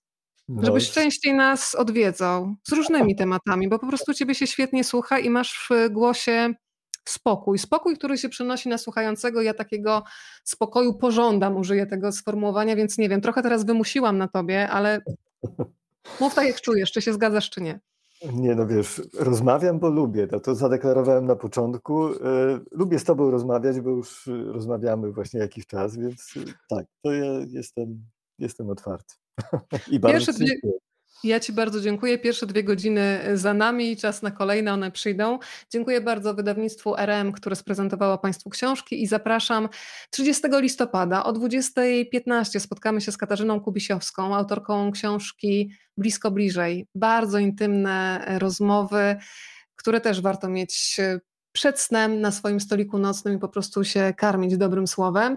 A wcześniej, też 30, o 18 będę w Empiku razem z, z Kasią Stoparczyk i porozmawiamy sobie o tym, jak mieć w życiu frajdę, takiej życiowej frajdy, to chyba wszystkim możemy życzyć. Piotr Jacoń. Piotrek, dobrych snów, ale wcześniej zazdroszczę Ci spaceru nad morzem z psami chyba, nie? Ten wiatr przewieje chyba, myśli tak, i zrobi miejsce na wszystko, co dobre. Trzeba z nimi wyjść na chwilę pewnie. Tak, dobra. Pięknie Ci dziękuję. Do zobaczenia. Dzięki, Dzięki pa.